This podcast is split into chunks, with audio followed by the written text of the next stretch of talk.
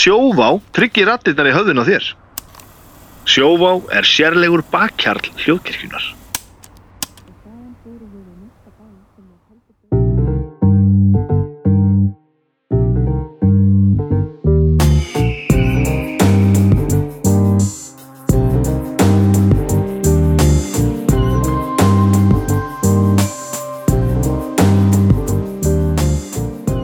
Komið í sæl og verið velkomin í bestu plötuna. Heiti Baldur Ragnarsson, ég er upptökur stjóri bestu plötunar. Ég eh, læt það sem við segjum lekinn í tölvuna. Svo íti maður alls konar dót í tölvunni, lætur að hljóma aðeins betur, þannig að þið heyrið vel. Ef þið er til dæmis að keira núna, þá ættu þið að heyra samt það sem ég er að segja, því að ég er búin að snúa tökkunum, ég er búin að íta á flipana og alls konar. Svo íti ég á Ctrl Command R íti ég þarna á nokkra stillingar og rusla þessu út úr fóritinu svo eitthvað ripiti rip uploaditi up. Nei sem reyndast því sjáum við um uploadið þessu. Þannig færist þetta yfir í hlustinur á okkur ef eh, þið viljið e, það. Svona er nú teknin svona fleginu fram tekninni ha, nú er bara útvarp hvernig sem er. Indislegt Hjá mér eru tveir uh, gestir Þeir, þeir eru góðkunningar bestu plötunar, myndi ég segja uh, Dr. Arnar Egert Jú, þakkir. uh, velkomin Takk. Gaman að segja þig Sumleðis. Ertu í stuði? Ég er í miklu stuði. Ég, hérna, ég hitti diggan hlustanda, BP, á dögunum. Ok, Hann var svo hrifin af þessu totsi að, sko, við erum alltaf, hérna, fólk getur hlusta á hvaða þátt sem er, af því að það er alltaf eins og sem við að kynna okkur í fyrsta skipti, sko. já, já Hann fannst það svo flott og glúrið tots. Það er allir velkomnir hvernig sem er sem þarf ekki að byrja á byrjun með bestu plötuna Nei. Þannig að ég, ég er hress, ég er gríðarlega peppaður fyrir þessu verkefni. Sko. Já, það er þokkarætt verkefni sem að leikur fyrir í dag er betur. Enda uh, erum við hérna allir í okkar besta formi, haukur Hæ. Ég sé þú ert í keppnisformi fyrir þannig þátt. já, já, Klári, klári þetta verkefni. þú var samt að skröku á þann, sko. Uh, Þú ítir ekki á neina flipa, hvað mennur? ekki flipar, aldrei flipar. Akkur aldrei flippar, hvað mennur? Hvaða flipa ítir þá? Þetta segja, þetta sé, hvað viltu kalla svona þegar maður er að skipta um glugga og svona þess? Ekki flipa. Nú, hvað þá? Það er svo ógeðst. Hvað, hvað myndir, hvernig myndir því að til dæmis tap í, í svona vöfrum? Ok, flipa. Flippa, ég er að segja það. Ég er hægt að kalla mig legara. Þetta er minn. Fyrirgeðu. Já. Þetta var rámt hjá mér og Já. rétt hjá þér. Já. Djúvillig flipi. Það er ógeðst orð, ég er samanlega því en það er gott að sjá að þú allavega mættir með kenniskapið Já, því að Já, já. við þurfum að standa vaktina og, og, hérna, og skila þessu almennilega af okkur Þetta er ekki grjótharður lokanútur. mm, Nei, eins og þú sagðir í, í, á Messenger Já. og ég vissi ekkert hvort þú var að reyna við mig eða, eða ég vissi bara ekkert hvað varst að tala um Nei, þetta var svakaleg samsetning tveggja ála. Sko. Já, þetta var útrúlega og líka alveg upp úr þurru Já, og ég sagði, leið þannig höfum grjótharðan lokanút klukka 00.00. og ég held bara að þú hefði sko. Sendið þetta á villisur Vitlega slöki. Já, villislu, helvitis En uh, en sko það gengur eiginlega ekki að vera í ykkur kappi við tíman hérna í kvöld, sko. Nei, nei, verður rólegur, við erum- Nei, ég er alveg rólegur, Já, sko. við erum slagir. Við, uh, Baldur listi þetta hérna í upphafi, sko. Við nú erum alveg slagir. já, já uh, Þetta því að það er fólk að nóti Já, sem þykir mjög mikilvægt að þetta sé gert vel. og það er einfallega því að það er mikilvægt að þetta sé gert vel Já, Þannig að við erum ekkert að fara við erum ekkert að fara að vera húnum hlaupum. Nei, við rumpum þessu ekki af. enda erum við búinir að við kannski komum með keppniskapið og við komum undirbúnir. En við erum með sótavatni glösum, við erum búinir að kveikja kerti. Við erum með súkulæði mólana klára sem við borðum eftir þáttinn svo við fáum ekki hattuspústana þannig að þetta er allt saman eins og bestur rákósið þetta verður engin Elvis rákasmíð. Já, ertu með móral þetta síðustu ykkur Nei, mér fannst þið gera þetta vel, sko. En uh, ég veit ekki, kannski búið að vera brjála drama í umræðahópnum yfir uh, Elvis afgræslunni, en Ég allavega veit ekki betur núna en það er að svo ólíklegt. Já, ég, en aldrei, ég ætla ekki fólk, fólk, það, fólk á sér svo mörg hitamál sko. já, já, ok, já, rétt. En hérna, já Eigum við að uh, hefja standa? Já, er það ekki, við skulum Já. bara það er ekki eftir neina að býða, því að í dag ætluð þið að tala um bestu plötu Taylor Swift. Já, það er ekkert annað. Það er nefnilega ekkert annað. Og nú veit ég að Flósi hoppar hæð sína í loft upp jú, jú. Já. ertu stressaður út af flosa? Ég er ekki stressaður út á flosa en uh, ég hugsaði oft um flosa í þessum undirbúningi sko. já, það er ekki skrítið, hann er alveg langharðasti Taylor Swift maður sem ég þekki. Já. já, ég, já, já, ég er svona Hann er ekki harðasti Taylor Swift maður sem ég þekki. Ok, Eh, bróðir minn er harðasti Taylor Swift maður sem ég þekki. Já, næs en hérna en sko Taylor Swift aðdáðendur eru rosalegir. Já, já, alveg S- s- Swifties Þeir eru alveg farnir. Swifties já. Þetta er já, Ég það leikur fyrir. Það eru tvær stúlkur í, í tíma hjá mér sem eru Swifties ok, hvað þarf maður að, að uppfylla til þess að geta kallað sig Swiftie til dæmis að skila rítgerð til mín sem Já. er 1989 orð að lengt mjög gott. Mjög gott. Já. Þetta er svolítið skilgreiningin á þessu. um Taylor Swift. Um Taylor Swift. Nei, nei, nei, nei, njálsug Já, já, já. En- Haldið að við náum 1989 mínútum. Ég held Ég- ég að að reyna. ég sé ekki af hverju ekki. Um, Ég hef ekki bara byrjað þessu? Já, hvað- og, býtu, og hvor er að velja? Ég er að velja. Það er þú, já. Haukur er, er, er, er því líkt í skipstjórnarsætinu sko. Það verður, sko, já Við verðum aðeins að taka smá svona uh, bakgrunn. Mm uh, á mér og Baldri? Já, Já, byrjum bara það þar. komið að bakgrunnstekki hljóðkirkjuna. Byrjum þar. Já, á, hv- hvernig viltu bakgrunnstekka fyrst? Ég bara byrjum á þér. Sakaskrá Ég er mjög spenntur fyrir verkefninu.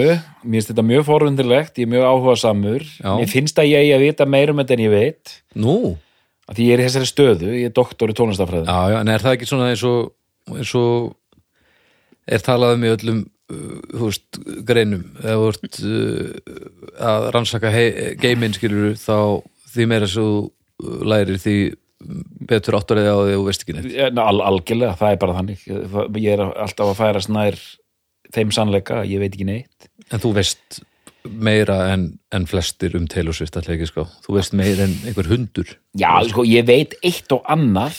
Ég, já, ég meina, ég var að taka eitthvað dæmi sem svarið var pottit já.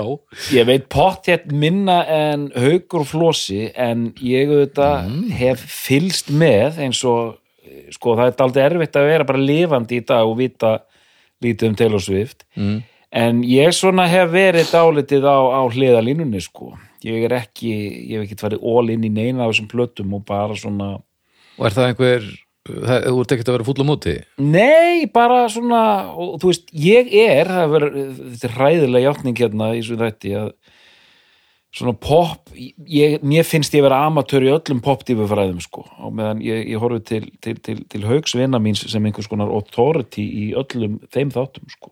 já, Hann hefur leitt eil alla þessa leiti í göggu og, og, og, og hérna þá þætti sko, ef ég man rétt.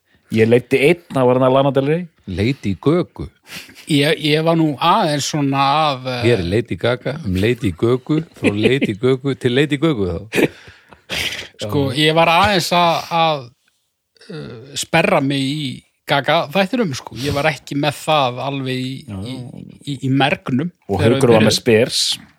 Já, ég tók Britney. Já, já, og uh, hefði sko, ef að Snæbjörn hefði ekki verið búin að taka Madonnu þátt já, þá væri við örgulega ennþá að hljóður þetta þann þátt, Já. en samt væri það fyrsti þátturinn já, já, já.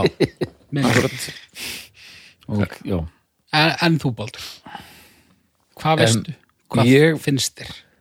sko ég veit ég, ég veit svona milli myndi ég halda mér finnst ótrúlega áhugavert að koma að staði hvað hún er yfirgengilega stórt númer miða við hvað hún virðist vera rosalega mörgum næstu í alveg bara hulin það eru rosalega margir sem vita falla af henni mm. einhverju af vegna sem ég skil ekki alveg hvernig gerist en og fæstir virðast gera sér grein fyrir því hvað hún er ofbóðslegt styrni sko. Mm um, sem ég skil ekki af hverju uh, en ég til dæmis gerði mér ekkert grein fyrir því fyrir nýlega hvað hún er ofbóðslegt afl í þessu öllu saman. Myndur þú segja að þetta væri svona eins og og eins og línumadur í einhverju handboltalandsliði sem að svona glemdist að passa og, og er einhvern veginn að ná marki og marki og fleiri mörkum og enda bara á því að vera markahestur Í, við getum alveg mér líður ekki vel með það en við getum alveg já, við getum farið þá leiðina. Ég hef ekki kostið þessa leið sjálfur en já, já, hún er línumæðurinn. Út af því að það var mín upplifun sko, út af því að hún er náttúrulega búin að vera mjög lengi að enda var hún mjög ung þegar hún gáði sína fyrstu plötu. Já, og hún bara einhvern veginn var alltaf aðna mm, og ég var ekkert að gefa henni eitt gaum. Og svo var hún bara stærri og stærri og, Mhm. og uh, hún var bara svona eins og línumaður sem ég glemdi að dekka. Já, já, já. svo allt í hennu bara núna í november 2023 Mm þá er hún stærsta nafn í tónlist já, punktur já, Mhm. það er það bara, er þannig það er þannig já. og, ég, og þú veist ég, að það þekki allir nafnið já, já, en ég held að sé ekki allir sem gerir sér grein fyrir því sko. Nei. nei, En það er bara, það er nóg núna til þess bara að slá inn Taylor Swift Spotify til að sjá að það er enginn sem streymir meira, sko, enginn. nei, nei, Það er bara allt í botni, sko.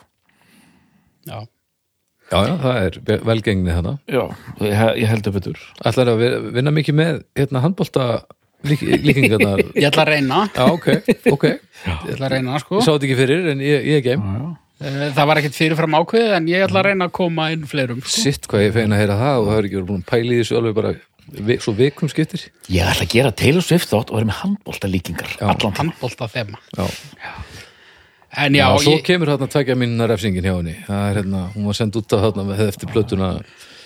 Já, hún kom svífand úr hóðninu og bara neldi þess inn, sko. ó, Jesús. Já, já. Uh, já, ef ekki bara að byrja á byrjuninni? Já, ég sko, ég var eiginlega bara svona svolítið eins og doktorinn, bara ekki einu sinni áhuga samar á kantinum bara, uh, bara alltaf, bara áhuga laus á kantinum í rauninni.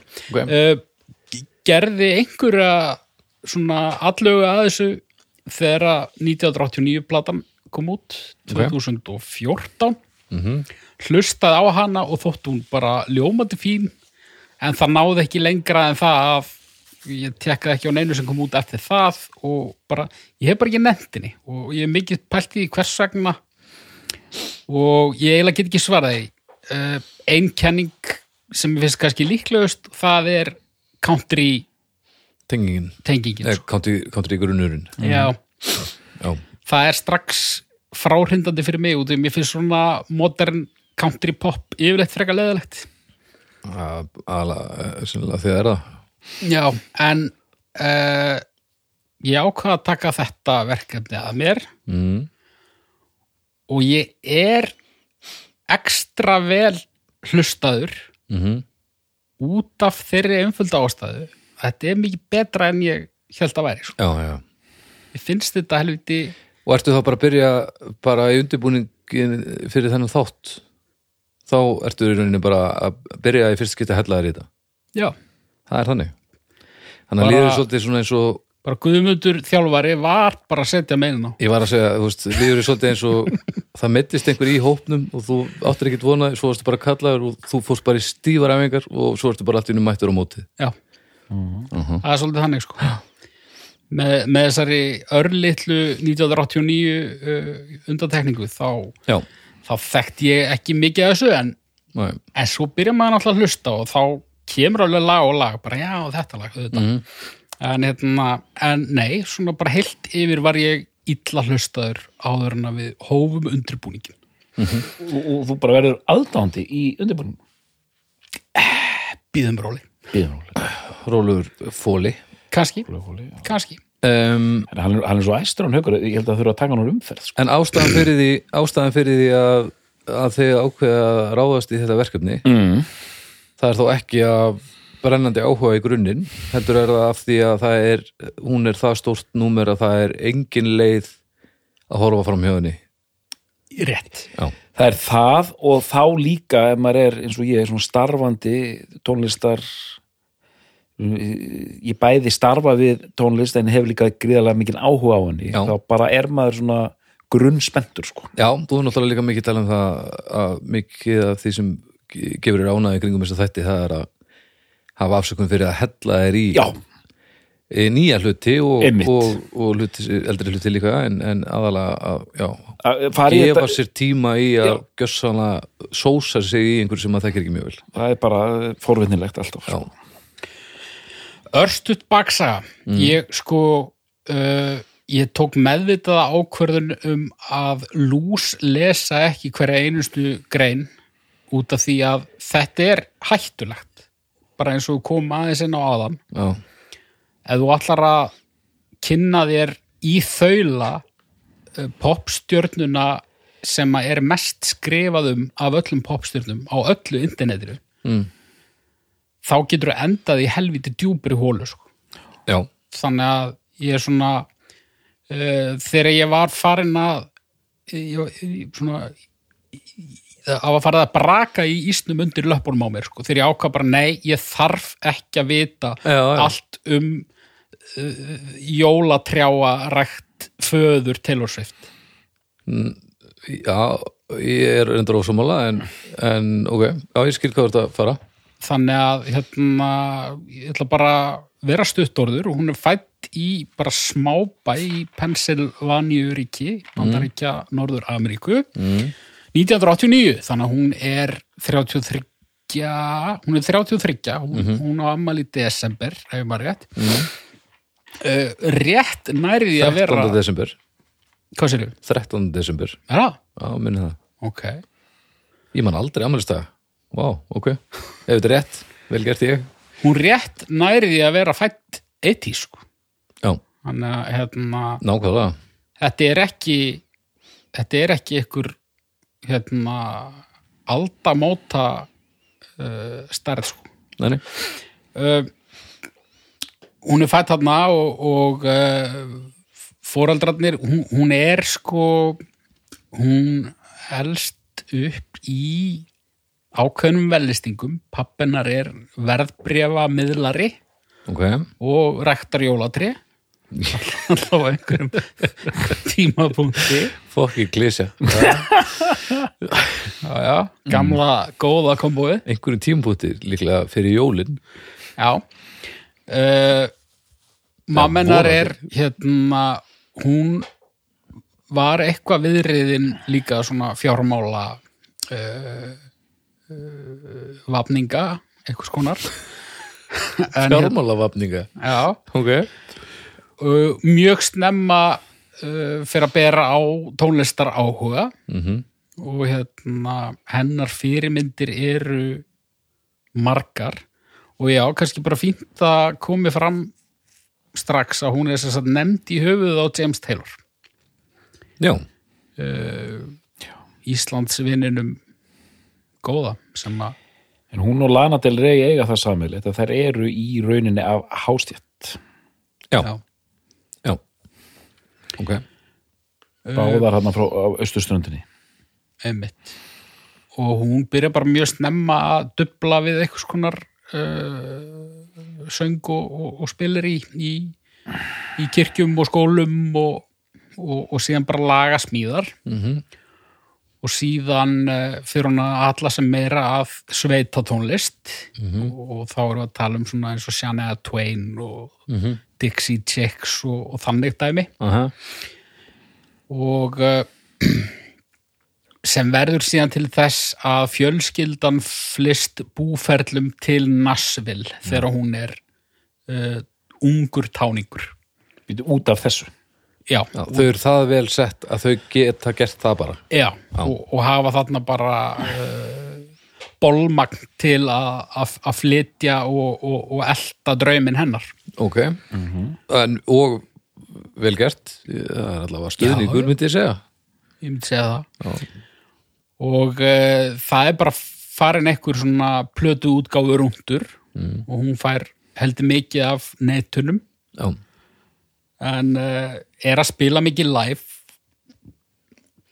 og endar sér satt á því að vera hún fær plötusáning hjá uh, plötufyrirtæki sem heitir Big Machine. Einmitt, Big Machine, satt. Já. Sem er, það er einhver er ekki einhver Dreamworks tenging eða eitthvað svolítið, er það hann að ég þekki ekki, eitthvað leifl Mhm. og hérna og ég held að þetta sé fyrsti artistinn sem að er sænaður á það label ef maður rétt. Ok, það verður uh, til þess telviti gott start. Já. og sem sagt fyrsta platan kemur út 2006 og heitir Taylor Swift. Aha. og hún er bara svona alveg basic svona ung stelpa að 2000 syngja 2016, Country nei pop. 2006 hún er þá 17 ára. Já, og ég get, ég get komið aðeins inn í þetta því að ég fylgist ágætlega með svona mainstream popið hérna í Ameríku og hef gaman af og hérna ég sað, sagði ekki á nú vissi ekkert? Ég ég er að æfa mér svona ensku false modesty sko. Ok, já, já, já, svolsug Eh, hérna eh, og það er þetta það, það kom alls konar ströymar og stefnur í, í gegnum árin sko. Það veist, þetta bro country sem er í dag sko. Einhver svona dúttar sko það er hræðilegt dæmi sko. En hrika bro, svona bro country sko. Og hérna með svona derhúfur og, og talandum að tala bara um það að fara að drekka og, og keirum á einhverju pick-up hérna trucks. Síðan hefur verið ljótu, undanfar ljótu hálfvitarnir. Já, já, já, já þe- þetta, já. Næst, næstu því, já, svona næstu því sko. Fyrir utan. Nei, en þetta er samt svona þetta er eiginlega sko hálfvitar sko svona alvöru hálfvitar. Já, já, já, já, já, já, ég myndi ekki segja við, við erum nú það, ekki það, það, allavega ekki viljandi þeir eru mektar piltar hérna norðan sko. Og ég er, ég er alveg að vera búin haukur ég ætla ekki að ste- stela þrjuminniðinni nei, sko, eh, mér finnst það frábært. Og ég ætla, ég ætla að klára sko að fyrir svona tíu ára síðan sko þá, þá byrjaði svona innri hérna bylting í Nashville þar sem stúlkur eins og hérna Casey Musgraves, Angelina Presley Nikki Lane voru með svona attitude og svona nánast svona punkara country gellur sko. Já, voru svona aðeins hérna að íta á og vera með svona, svolítið flotta texta og svona, svona valdeflandi texta Mhm. en síðan eru þetta bara endalust líka maskina hann í Nashville sem dælir út bara svona mainstream country já. og eins og, og ég ætla að enda á þessu að eins og Haukur lýsir þessari fyrstu blötu þetta er mjög streitt vel unnin melodísk og flott en bara streitt mainstream pop country plata sko. já. það er bara nákvæmlega það sem hún er sko ok coverið og allt þetta hún er með svona þetta hefði getið verið fyrsta og síðasta platan sko. Varst að tala um Dixie Chicks og Shania, er þetta áhrifavaldar eða er þetta bara eins tónlist? eh, Sjanja er alveg áhrifavaldur þannig nú þekki ég bara þessi tónlist þessara listamanna bara ekki nægilega vel sko. Sjanja er, Er þetta meira country en pop? ég sko, sko, sko hérna ég myndi segja algjört 50-50 Ok, sko hérna hún Taylor er spórfari Tanju hérna, ég kann ekki að tala lengur Shania. Sjanja Twain ekki, ekki slasaði. Shania Twain fer úr country yfir í pop. Já, og það er raunni og við komum betur inn á það það er það sama og Shania nei, Taylor Swift gerir ásakið finnur þú lykt að ristuðu bröði? Wow, Tjanja Svein. Shania Twain hérna er svona hérna brautriðandi í þessum fræðum að mörguleiti. En, en ég meina Dolly Parton líka bla bla bla, Já, ég ætla að hætta að tala aukur Nei, bara þetta er hárétt sem dóttur segir, þetta er bara alveg basic og fyrsta lagið heitir Tim McGraw. Já, emitt og þú veist, ég nenni ekkit að liggja í þessum plötum, en þú veist, ég hlusta á þetta allt. Já, og ég heyrði það strax þarna bara, bara þetta, þetta, þetta er gott og vel gert dótt en þú veist, þetta bara er það sem það er. Og hún er að semja þetta. Já, Já, en maður skilur það alveg hvers vegna það var ágætlega tekið í þetta sko. og því maður heyrir það að þó þetta sé kannski ekki eitthvað sem höfðar 100% til mín að þannig eru hæfileikar og framsetningin er bara til fyrirmyndar sko. Já, bara aðeins minni kúreka hattur í monitor og, og þá ertu, game. þá er í game sko. Já, já, uh, Fearless kemur út tveimur árum setna árið 2008 og hún er svipð ok. Er það ekki? Hún er svipuð en það, það er svona búið að hækka popsansinn úr 5 í 6. Já, En svona- fyrsta platan, hún fær aðtegli já, Já, já, já og þú veist ég veit ekki hvort hún sló í gegn ég, ég bara veit ekki hvernig kaupin gerast á eirinni þarna í Nassvill sko. En þetta er mjög, þetta er allt vel samin lög, þessar plötur standa sko. já, en þú veist, ég man ég man þegar að Taylor Swift platan kom út. Þannig að þetta hefur allavega gárað vatnið fyrst að ég vissi af þessu. Já, þó ég hefði ekki hlustað á þetta. Um, en já, mér finnst þessar tvær uh, ég set þær svolítið bara saman.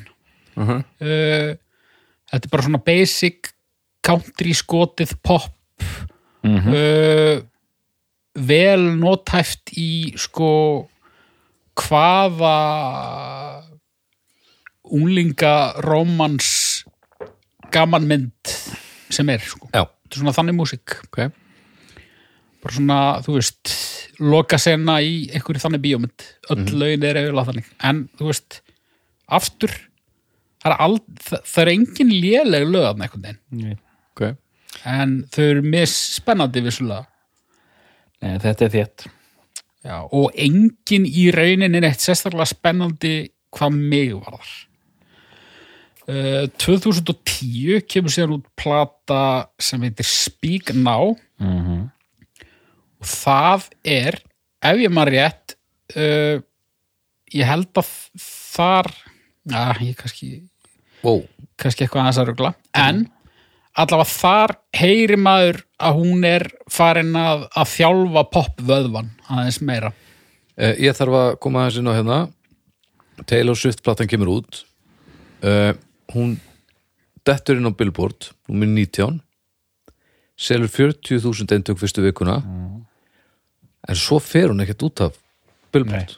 Svo bara hangir hún og hún er bara að og hún er uh, búin að selja yfir miljón eintök í november 2007 hún bara hangir inn á lista. Já. og í janúar 2008 þá selur hún 187.000 eintök uh, eina vikuna í, í janúar segi ég og, og þá fyrir platan í 8. seti þannig að hún er bara hangir hérna inni bara bara, bara Einmitt. það er rosalegt Já, þetta er stórfurðulegt dæmi sko. Uh, já, Speak Now, það er svona platan þar sem ég fór að sperra eirun í þessari yfirferð. Þú veist, ennþá, þú veist, engin lélelög, en það er að, það er að dettin þarna lög þar sem að ég, þar sem ég get sagt meira en bara, já, þetta er vel gert og gott. Ok. Skilur það er, það er að fara dættin lög þarna sem, þar sem ég bara, já Og countryð er nánast að þysjast út. já, mér- það er svona það er svona þinnist út jafnt og þétt á þessum plötum þrjú og fjögur Svo Speak Now 2010 og Red 2012 okay. uh, poppið veginn nær yfir höndinni. En þetta er, þetta er svolítið bara svona jafnt og þétt, myndi ég að segja um, þetta verður risastórt strax allavega, það leikur fyrir. Já. Hvað finnst þér um uh, ef að taka þessa tvær bara eða mm. hvar er, er doktorinn statur? Ég myndi segja, já, þessar fyrstu tvær country pop uh, mér finnst uh, ég set þessar fyrstu þrjárinu dálítið saman, sko Ok. að hérna, og þú veist hver og ein verður alltaf meira pop og meira pop, en mér, mér finnst Red vera svona fyrsta ok, let's go, sko Já, það er eiginlega rétt þér. Svona ég pæli betur í þér. mm. Í þér. Í því. Wow. Ég Viljið alltaf pæli í þér líka. sko. það er eiginlega rétt þér sko. Já. Já. Og ég, og ég man ég man ekki eftir þegar fyrsta Taylor Swift-platan kom út en ég man þegar Red kom út Já. bara man eftir þessu og ég bara, hm, hvað er þetta og ég tekkaði á því að því að hún var bara að fljúa þessi plata sko Já. en mér finnst það að vera bara þú veist, ég sé hana bara fyrir mér með sínu liði og bara, ok nú bara gerum við þetta. Það er lag á annarkot plötu þrjú eða fjögur sem heitir I knew, I knew you, you were trouble já, sem er svona uh, flokka sem einhvers konar uh, viðsnúningslag. Geturðu tekkað fyrir mig Baldur á hvorri plötunni það lag er Það Red. er á Red. Er það á redd? I knew you were trouble. Já. Já. og ég meina Red byrjar hérna og er það ekki einhver U2 leikvanga Rocky, rétt. Og hvað heitir það? Fyrsta lagið á Red á er, Red, State of Grace. Já. Þetta er bara eins og Kings of Leon eða eitthvað sko. Þannig að verður einmitt að dettin U2 Kings of Leon já, uh, þú veist, sko National Já, Imagine Dragons. Já einmitt. Þannig dótt uh, hún hefur unni með uh, mjög mörgum líka. Já, og uh, þarna til dæmis að New York Trouble þar eru með hennan hérna Selbakk, hennan er hann ekki sví, jú, Karl Jóhann Schuster sem er bara einhver svona hittara maskina einmitt. Uh Já, já, já, ég meina Ertu komin í Red? já, er það ekki bara? Af því, mér finnst það að vera einmitt svona, það er cut-offið sko.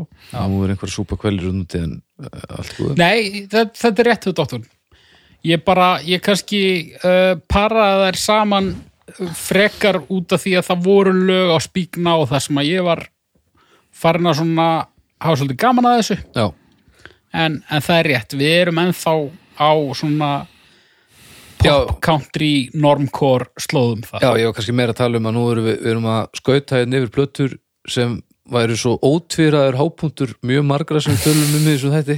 Og við verum bara svona Já, já, já. Bara áfram- með, áfram með þetta.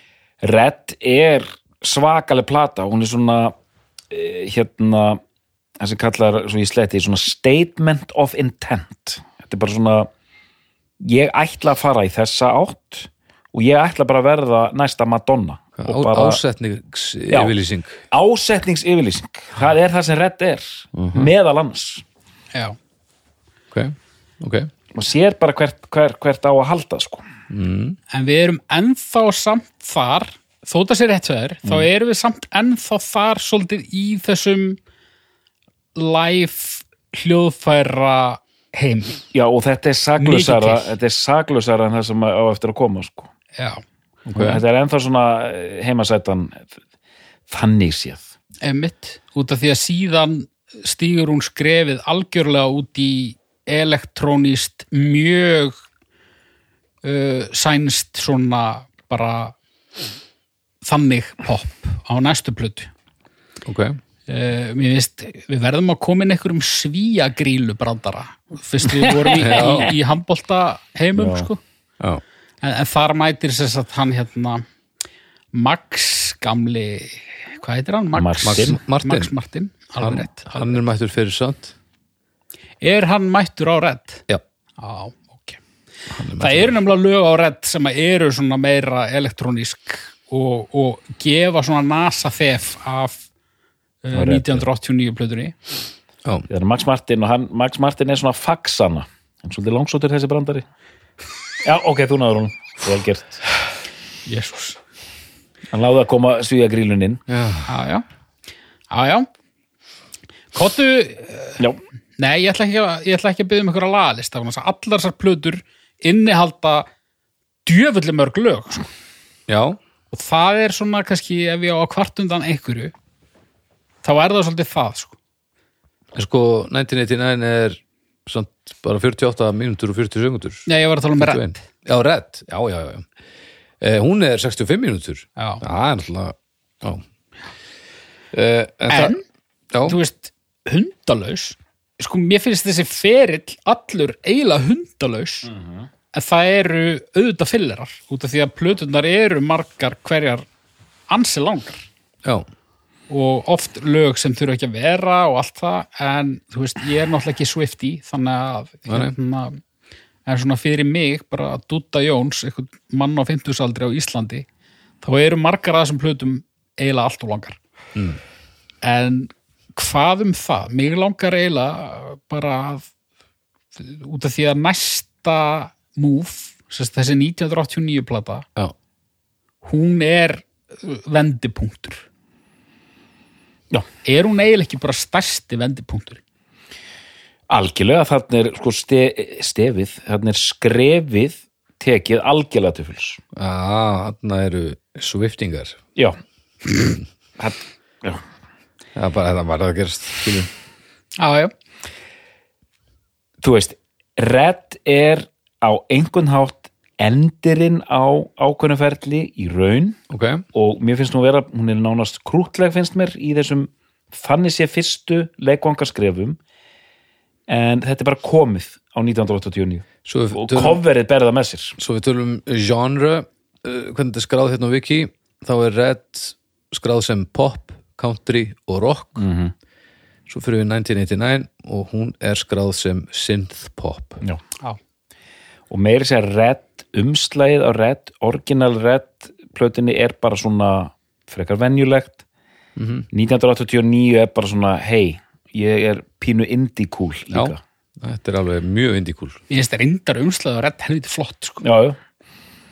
Já, hérna, já, já, já En, en þú veist það Það er country en þú veist, Red Red er þannig, þetta er það sem mamma þín myndi kaupa sko. já, já. Verð þú ekki að segja mér hvað mamma mín myndi kaupa? Ha. 1989 er a different beast. Okay. myndu ég að vil segja að 1989 væri hraða upplöp Já þú verður að bremsa okkur af. Þú verður að setja á brandarabann eða eitthvað. Ég, það, gekk, það, það, það, það var bara ólí á eldin síðast þannig að ég með þetta ekki huga. Bóða bönn virka ekki. Já, okay. það. Þetta er á sama Eitthvað laust, hvað var það? 2000 já, Já, já, þetta er svo, er svo merkilegt Red er endirinn ákveðnu ferli en líka upptaktur af þessari miklu breytingu sem er hún er búin að klára skiptinguna á 1989 þetta var óvart sko. Já. ég, var að reyna að finna þetta átti ekki að vera handbóltekin en það gerðist algjörlega óvart. Hérna þessi, þessi hérna, yfirfærsla já. er bara klár á 1989 rétt, alveg hár rétt.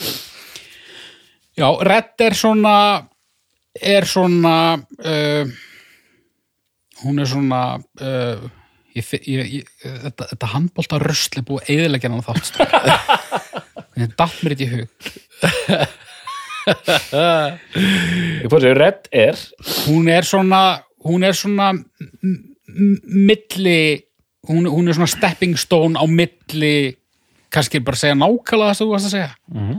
það er bara fyrstu þrjár svo er redd bara svona ekkur hérna eitthvað svona stoppa og, og kvíla sig Leikli. og svo bara beint yfir í, í, í næsta fasa já, skilur, það er alveg, það er hérna hún tekur ofan alveg fyrir hinum þremur plötunum á Red en er byrjuð að horfa til já, popsins. Og síðan er þetta bara gert alveg alla leið eins og eh, bara synthpop. Og það er ekkert country eftir. Ok. Það er ekki eftir, en það er á Red sko. 1989 mm. uh, sko uh, fólk veit alveg hvaða plötu ég er að fara að velja hérna. Ég endaði í folklore já, já, já. Uh, ég var ekki búin að segja það einu sinni við Arnar sko, við vorum að ræða þetta áðan. Uh, verður ekki getið fyrir þetta? ég veit það ekki. Er, ég alltaf staðið þeirri uh, já, já, ok. Ég held alltaf að 1989 væri bara svona útfyrir já, ég var með þessar tvær ok, og sko framan af var hún ótvíræð. Já, uh, hún er ennþá platan sem ég myndi setja á fónin fyrir svona instant gratification bara, ok. bara heyri eitthvað geggjað lag já, með henni. Mhm. og myndi ég fara þangað sko. En fólklor, hún kom aftan að mér sko. Hún, mér fannst hún svona kortir í leiðileg. Ok, en svo bara svona veginn var ég alltaf að hlusta á hana. Og ég, ég veit ekki hverju út í að mér fannst hún alveg bara svona nokkur fín lög og restin bara eitthvað ok. Og svo bara einhvern veginn bættist alltaf í lögin sem að ég fílaði. Já. og bara undir lokin þá bara var það platan ef ég ætti að velja eina plötu bara sem svona plötu sem að ég fíla bara sem plötu út í gegn já, þá er það hún en það er, þetta er mjög tæft það eru mjög ólíkar og ok já, veist, ef við höfum tekið hana þátt upp fyrir þremur dögum þá hefði ég sagt 1989 Ok. er, kemur fólklóra eftir 1989 nei, nei, ok. Það eru tvær plötur á milli. Já, ok, það, ég ætla, að tjá mig um fólklór þá aðeins einna já, Uh, en 1989 er frábær. Ok, og hvernig þá? hún bara neglir þetta svo vel þetta þetta sinnfa pop sitt þetta er grípandi. Þetta eru vel samin lög. Uh, soundið er upp á tíu. Og þetta er einhvern veginn bara allt þetta gengur bara allt upp sko. og uh, þú veist kottu bara með lagalistan. Sjá bara hvað ég mann og Uh, hvað doktorum mann þú veist, já. þetta er við skulum finna þennan lagarista býtunum Mér við, finnst reyndar fyrsta lagið ekkit rosalega skemmtilegt. Welcome to New York. Já, mér finnst það ekkit rosalega skemmtilegt. Ok, hver er Ryan Tedder? Ykkur auðmiki ok, Blank Space. Frábært, stórkostlegt Algjörlega stórkostlegt lag. Ok, uh, Style. Frábært Og allt hitt sem ég sagði. Out of the Woods. Já, fínt. All You Had to Do Was Stay. Mm, uh, Auðlalegt en samt gott. Svo kemur Slagari, Shake It Off. Já, mm, Sko- hvernig finnst þið það? í, mér hefur alltaf fundist það bara svona já, já. En þegar kemur einhvern veginn á þeim stað sem það er á, á plötunni þá þú veist þá ertu actually að hlusta á það en, en ekki bara heyra það eitthvað Já, já, já. þú ert að velja þér eitthvað söpvei bát og ég ætla, ég ætla einmitt að segja það Shake It Off er fyrsta lagi sem ég heyri bara já, ég, einmitt, ég er bara að kaupa með söpvibát þetta er bara lag kemur sko. og það er bara ofbúðslega gott lag þetta er mikið negla sko. og þú veist, mjög innbyttur svona ekkur Black Eyed Peas bróðavili þarna. Þetta er bara fullkomin negla upp í samskettin algjörlega. Já, algjörlega algjörlega.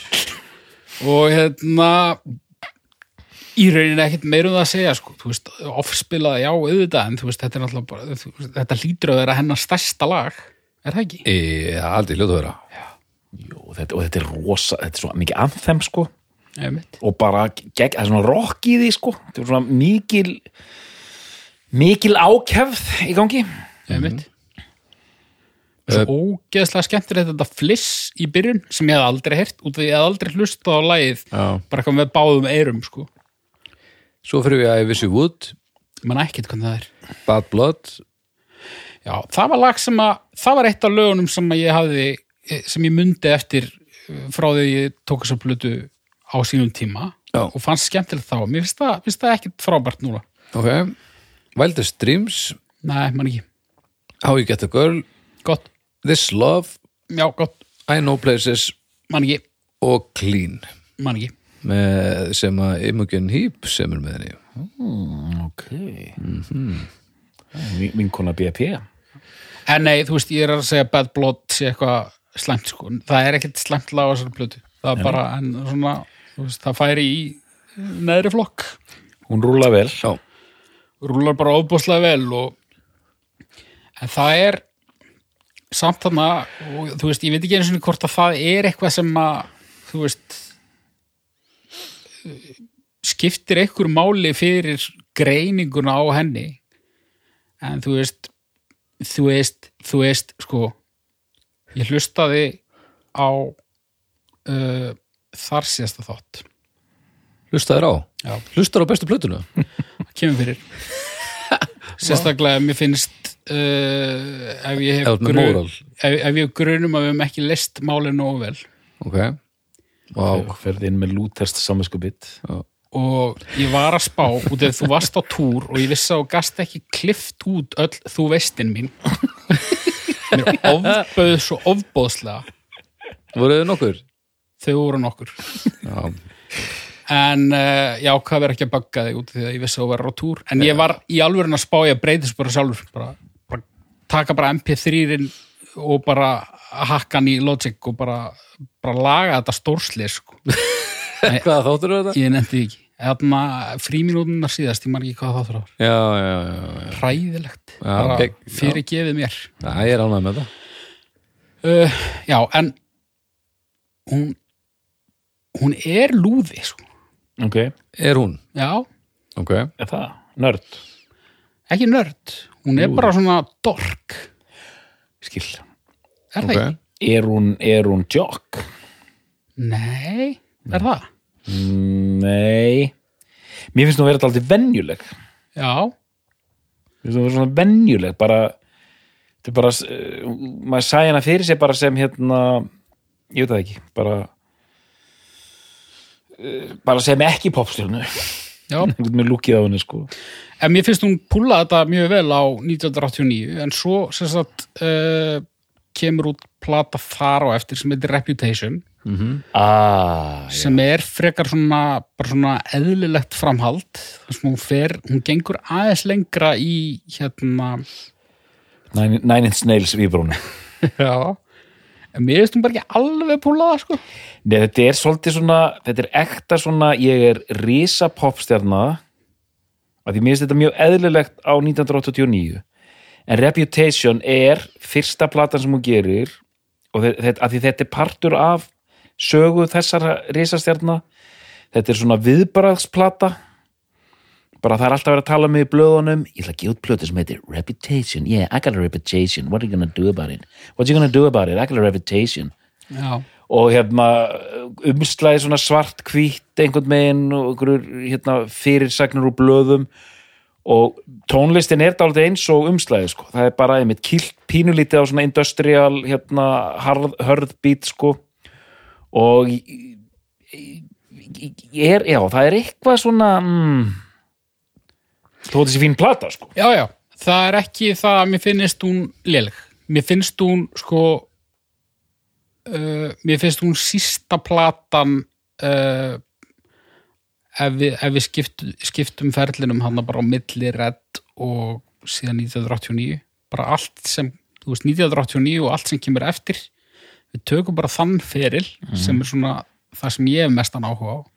Þá finnst mér reputation ábyrrandi síst okay. en það er ekki út í að mér finnst lögin á henni eitthvað léleg en það eru svona það eru svona kaplar sem ég finnst ekki samfærandi út af því að mér finnst hún aðeins vera að reyna við eitthvað sem mér finnst hún bara ekki alveg svona ekki alveg púla þennan hérna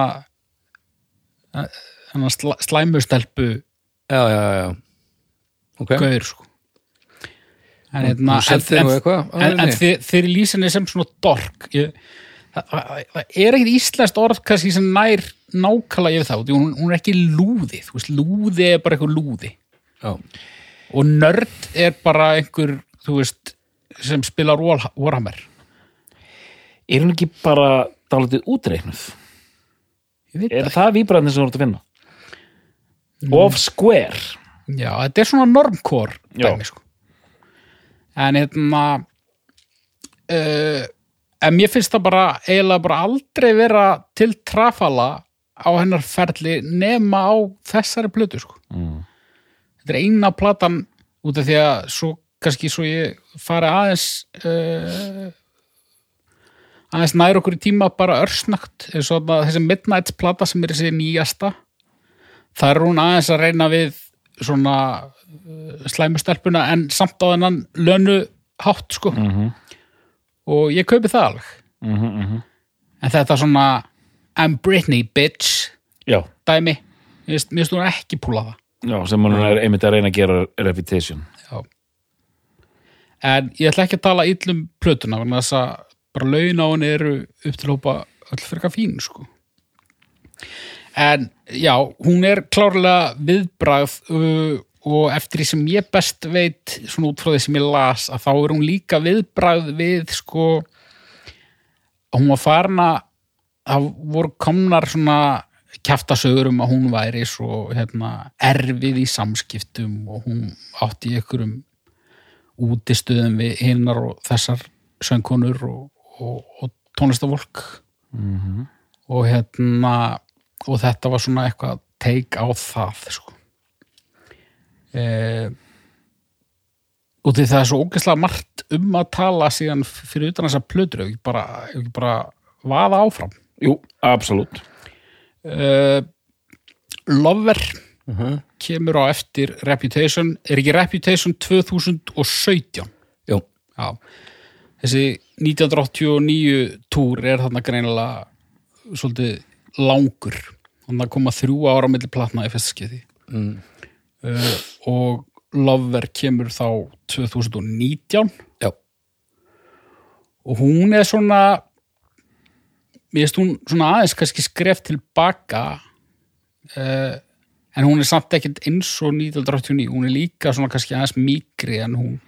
Mýgri uh, 1989 er svona ég er mætt. Reputation einhver svona viðbrasplata Lover, þá er hún farin að sigla í poppinu einhvern megin en ég, átti aldrei erfitt með að taka utan um þessa plötu Lover sko, finnst hún einhvern veginn falla ég veit ekki alveg hvað á að segja sko, já, ég hérna uh, ég hefðbundin sko. ég var á þeim stað líka en, en svo eru, það eru nokkrir svona helviti öflugir hátindar á henni. En hún er mýgri sko. Svona, ég, er ekki, já, ég er ekki að dissa hana en hún er bara svona venjuleg sko. Fyrsta lagi á henni er frábært, ég man ekki hvað þetta er I forgot that you existed. Það er ekki fyrsta lagið. Jú, Jú, Aha, já aha, Akkur því að ljúga þér. Það er það. Jésús, ok. Heru, ég bara pakka saman Það vissir kemur- ekki, kemur- mínúnda brottrekstur. Svo kemur Cruel Summer. Cruel Summer, alveg, því ég held að hún byrjaði á því. Já, já. það er frábært lag, alveg frábært lag. Svo kemur Lover, Lover, frábært. Uh, The Man. Uh, já, það Já. er pínu lúðalegt. If I was a man, I would be the man. Eitthvað svona sko. Já, það er pínu lúðalegt sko. mér finnst það gott en það er pínu lúðalegt sko. á slæmarhátt Krútlegan hátt. Já, krútlegan hátt. Ok, svo kemur því út, út af því að boðskapurinn í læginu á fullkomlega við, hún er að gaggrýna það að hún fái gaggrýni fyrir hluti sem karlmaður fengi ekki. Já, og svo að að velta því fram er 100% rétt. En mér finnst framsetningin pínulúðaleg. Ok. En það er kannski líka bara einmitt út af því að hún er þarna að flexa sig sem svona uh, svolítið svona reyðan feminista Já, og uh, en er þar einhvern veginn í haustum á mér að keppa við uh, svona uh, þessa venjulegu svona hlédrægu já, stelpu sem að skilur skilji en mér finnst það gott lag. Mhm. Það er svona fingrasmellir og, Nú, og stuð. Ok uh, Viltu fá fleiri löga? Já, ég er, ég er aðalega að leita held ég að einu lagi sem mér finnst alveg frábært. The Archer, Nei, ég held að það sé lagið eftir því. I Think He Knows. Já, ó, það er eru fingrasmellitir. Ég er regla, það er frábært lag. Ok, Manst þetta í? Nei, ég ætla ekki að syngja Taylor Swift í þessum Latur. Ég er líka svona hálfrallus. Já, mér finnst það dásamnett lag og uh, þú mátt hætta að lesa blaða til Já. Ég þekki þess að blötu ekki út og inn en mér langaði bara muna eftir laginu sem mér finnst best á henni. Ok, uh, Svo bara kemur COVID. Gamla góða COVID. Somla COVID. Mm Mhm. og hún líkt og heimsbyðin öll neyðist bara til að, að sitja heima og þumla sig -hmm. uh, en þó ekki meira en það að hún, hérna, hún var helviti dugleg í COVID-inu sko. hún var mikið duglegri til dæmis í COVID heldur en ég Já, vitið þið hvað, það- hvað ég gerði í COVID hvað gerir í COVID? horfði á Tiger King Ú, dölur uh, reyndi að gerast óperu unnandi og ég var með svundu eiginlega svona 60% tímans. Eldastu með sultu svundu, Já, Það að elda? Já, elda og baka og eitthvað svona. Það er samt Það er vel gert. Já, já, en þú veist, það er enginn að fara að gera þátt um afurður í mínar í COVID. Nei, ádýrlur óþrjóðandi með einhverja blast, einhverja óperu og takk út snúðana Heyrðu, Alfreðsson eldar. Heyrðu ég, ég, verð, ég verð að koma með smá svona hliðarsögu hérna. Þe, þetta er örgulega sko, það er svona slakna á samkomu takmörkum, en ég er samt ennþá svona, með sultu ég er ennþá með svundu eitthvað að kynna mér óperur, sko. Arna tók það ákvörðun að setja eitthvað auðlýsingu á bland eða einhverja Facebook-grúpu eða eitthvað að selja alla múmínbollana sína. Hún átti svona 40 múmínbolla. Já, já, já. Hún endi ekki að eiga það lengur. En hún gerði mér þann óleik að setja inn auðlýsinguna og fara svo bara á einhverja tvöfaldavakt á spítalan þannig ég var hann heilanda að taka á móti einhverjum konum sem voru að koma og kaupa 1, 2 og 3 múmínbolla. Já, ég er með svönduna og svo kemur eitthvað kona og þá er ég að hlusta á Macbeth eftir Verdi. Ó, svo sillilegur sko. Ég opnaði þetta og hún bara, múminbollar, já já, er það að hlusta á Macbeth og ég hafði bara, þú veist, áður en að dyrabjallan hringdi, þá var ég á Wikipedia að lesa um þessu óperu Ó, sem ég var að hlusta á þessu skipti Þannig ég náði að feika það. Ég búlaði bara, já, já, já, já. droppaði einhverjum fróðleiksmúlum. Já, já, já. Þá getur var, ekki- Ég, held hún að verið, hún var annarkort í sinfoníunni eða maðurinn hennar var í Ó, sinfoníunni. ok Þannig ég bara talaði við hana í smá stund um eitthvað sem ég vissi ekkert um Og hvernig leiðir, og ég komst 100% upp með það. hvernig leiðir eftir það? Ógæðslega vel, djöfullara gaman. Ó, Það er rosalegt Djöfullara klár, Þú- get, Getur þú sótt eitthvað af þessum upplýsingum núna? ekki neitt. Nákvæmlega ekki neitt. Ó, alveg, alveg snúðalikt í húsinu bara með svundun og Macbeth Varstu með tvo eða þrjá Já, já, þetta var rosalegt. Sko. Já, vel gert, vel gert En já, COVID. Og Taylor Swift hún segir skilið við svona hefðbundið hérna svona ég er að fara að gera plötu og bara gefur út plötu. Já, fyrir varalöst það var svona surprise release, var það ekki? Jú. Það kom bara. Nei, það var alveg það mikið surpræs að það vissi það bara, bara útgáfa fyrirtæki ef ekki neitt Nei, einmitt, einmitt, þetta var sko ég þekki alveg söguna baka það en þetta var allavega bara svona tada En mér er svo, sko, nú þurfum við, þurfum aðeins að tala um þetta haukur. Já, til, erum- til að setja smá kjöti inn að þátt. Að því ég man alveg hvað ég hugsaði því ég sá þessa plötu. Ég man líka alveg hvað ég hugsaði. Ég hugsaði, Hún er komin í blackmetalið. Já nánast þetta er eins og hérna myrkur og hérna þessar hérna dön, danska, hún kallar sig myrkur svona dönsk svona skóardís ég hugsaði bara, ég sá hvað var ég hugsaði bara, hættu þessu. Ég líka, hættu, lá, láttu mig í friði. Ég hugsaði nákvæmlega þetta ég hugsaði bara, æ ég- hvað, þi, hvað heldur þú sért? já, heldur þú sért orðin bara einhver indie lufsa hérna bara Þessi genre, indie folk, alternative rock, electro folk chamber, cham, chamber pop. Kammerpáfið já, hvað með Já, já, já, já, já, chamber. Og uh, indie, indie tronika Já, og, allt í lágstöfum. Mm bara guðum, please. Já, já, Já, þarna höfum við bara verið á nákvæmlega sama stað, bara með krosslaðar hendur, fúlir á móti, já, já, bara ný. já, já, og, já, emitt Og svo það sem fór ennþá meir í töðunar á mér, sko, ekki það að ég hafi hlustað á plöðunar og kom út, ég gerði það alls ekki, Nei, en það var það að, sko, það var ekki, það var ekki pláss í tímaplaninu sökum ópera. Nei, almenningur og gaggreindur voru að kókleipað. Það fannst mér líka óþólandi. Já, Bara, sér þetta fólk ekki gegnum þennan glataða gjörning? já, og, en ég var líka með smá svona já, Já, manni fannst þetta forvitnilegt sko, en ég bara, ég afskrifa þetta sem bara Ok. eitthvað svona, bara mjög uh, útreiknað múf sko. já, já sem það auðvitað er upp að mestumarki kannski. Maður náttúrulega kannski veit það ekki. En, en, en músíkin, hvað, hvað, hvað er að frétta?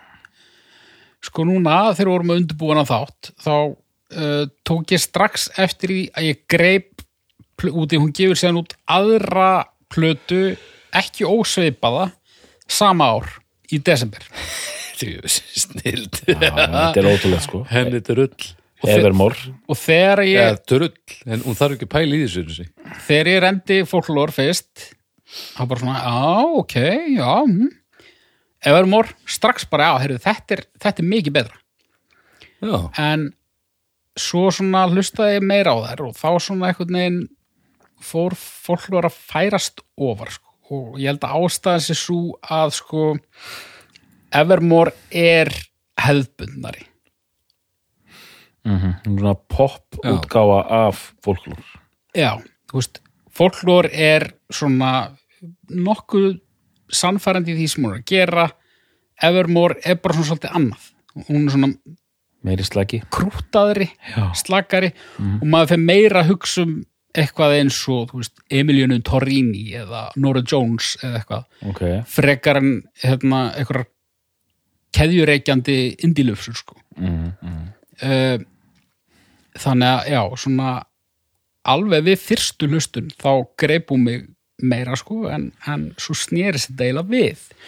Og ég var bara alltaf að hlusta á folklór. Og mér fannst það pínu óþólandi að fíla hana svona mikið sko.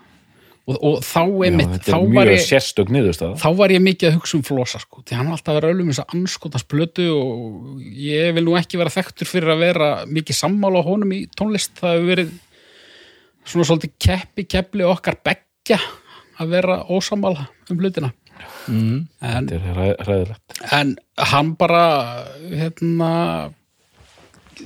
núna skil ég akkur hann er alltaf að rausa um þessa anskotast blötu hún er helviti góð sko. Hva, Hvað er svona að hún er að elta þetta á, hún er bara þetta er svona indie folk plata er það ekki það? með Taylor, uh, Taylor twisti indie folk drauma pop mm. drauma pop uh, Massi Star.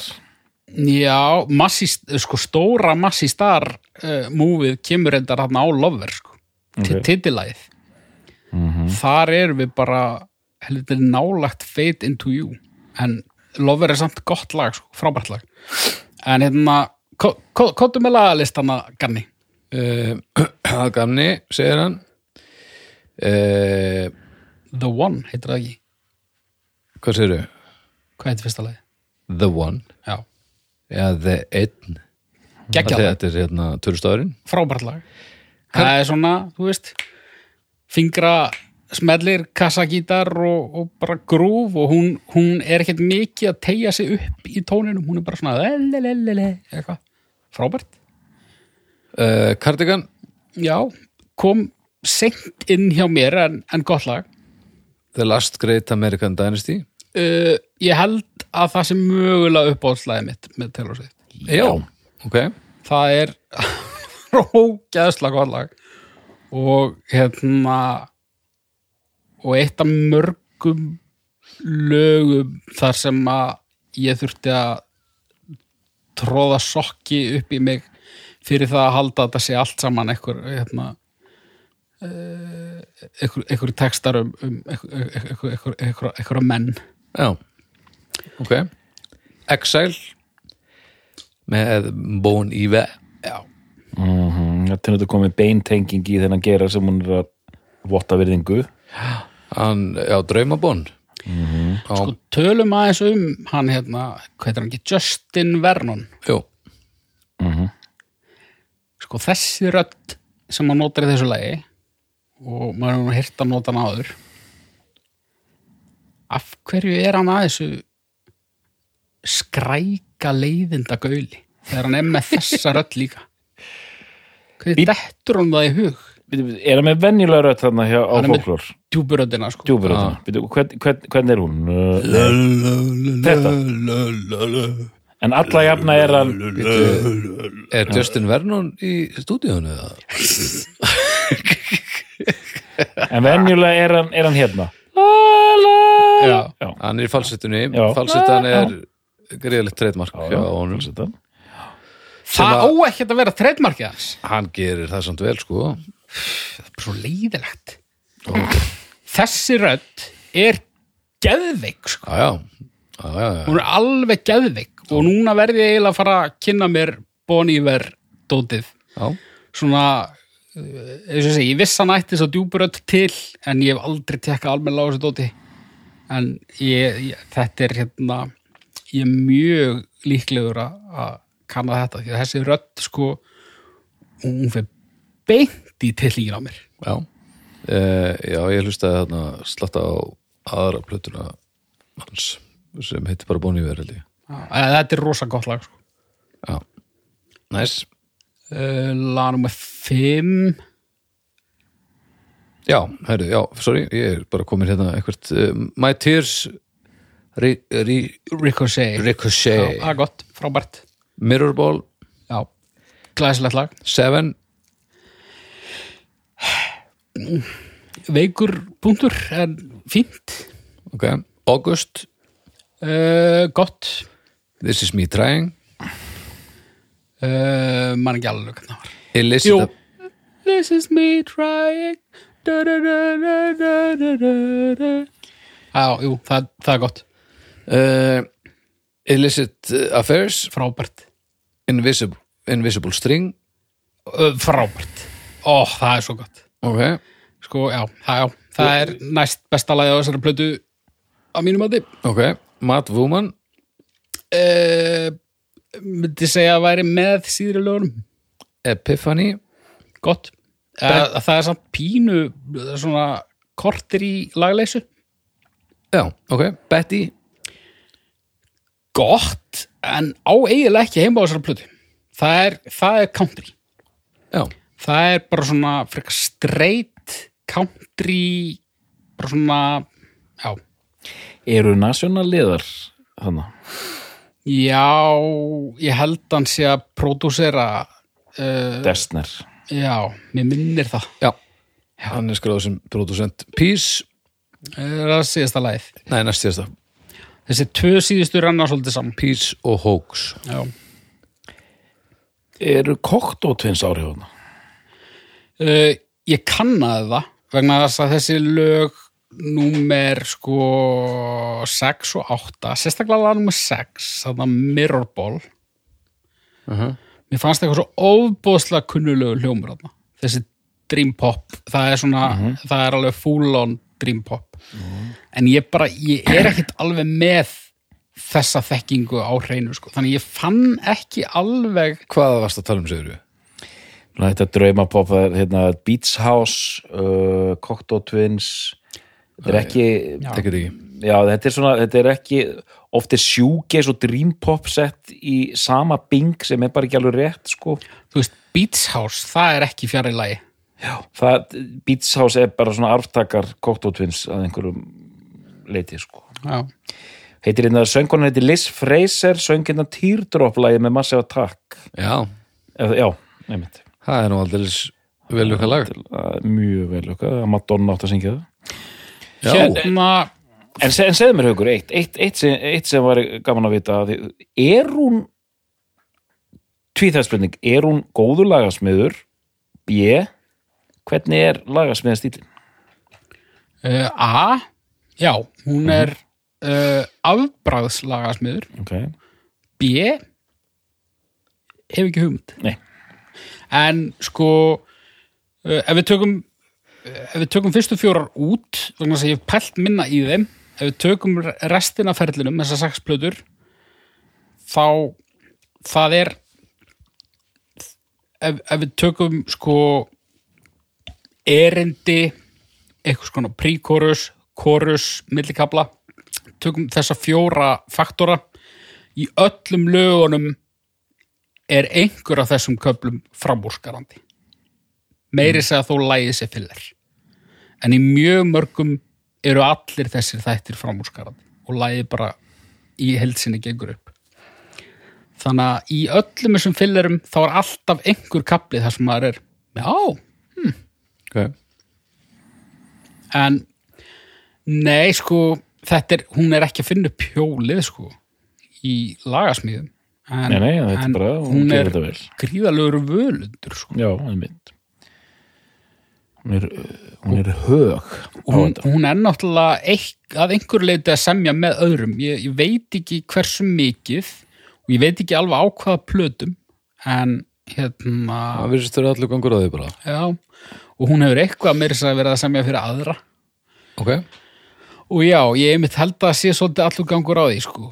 þú veist, ímist er hún að koma með einhverjar hugmyndir uh, sem hún hefur tekið upp demo á piano eða gítar og setur eða hendunar á einhverjum sem býr til einhvers konar uh, bara track. Eða þá að einhver kemur með track og hún semur texta og melodíu og hún, og jú, það er náttúrulega höfundarengin og það eru melodíunar vegna þess að um, suma af þessum lögum væru hvorki fugl nýja fiskur ef ekki væri fyrir ótrúlega lungnar söngmelodíur og það á hún alveg skuldlaust sama hversu margir eru kreditaðir fyrir læginu sem um ræðir Mm, mm. þannig að já En þessar tvær og næsta, svo höldum, svo getum komist í stóla samingið. þessi síðasta Nú erum við búin að tala, njá, eitthvað, nei, ætlum við að tala með Eðumór á svipaðan hótt. N- Já, þú veist, ekki lag fyrir lag en bara er fullt af fínum lögum þar og bara líka fyllerar en svona hún bara einhvern veginn uh, hún ég, ég sósaði mig ekki jafn mikið í henni sko. djöfull sem hún kemst upp með að að gefa út efni ört og, Já, og heimurinn bara bregst við það er bara hún Já. getur bara gefið út stanslust virðist vera Það er mitt. Midnights 2022 kom út bara fyrir rétt rúma ári uh -huh. uh, í fljótu bræði langar með að segja framhlaðningur en uh, fremri hliðin er helvíti öflug sko. það eru þarna lög sem að mér finnst bara alveg mér finnst hún vera, það er eitthvað svona chill í henni sem ég er að fíla. já, Svona fjögur um nóttina, hérna, þreita. eða mitt og, og mér finnst fyrstu þrjú lögin á henni þetta er svona one, two, three punch Ok. dæmi sko, mér finnst þau uh, geðvekk Mhm.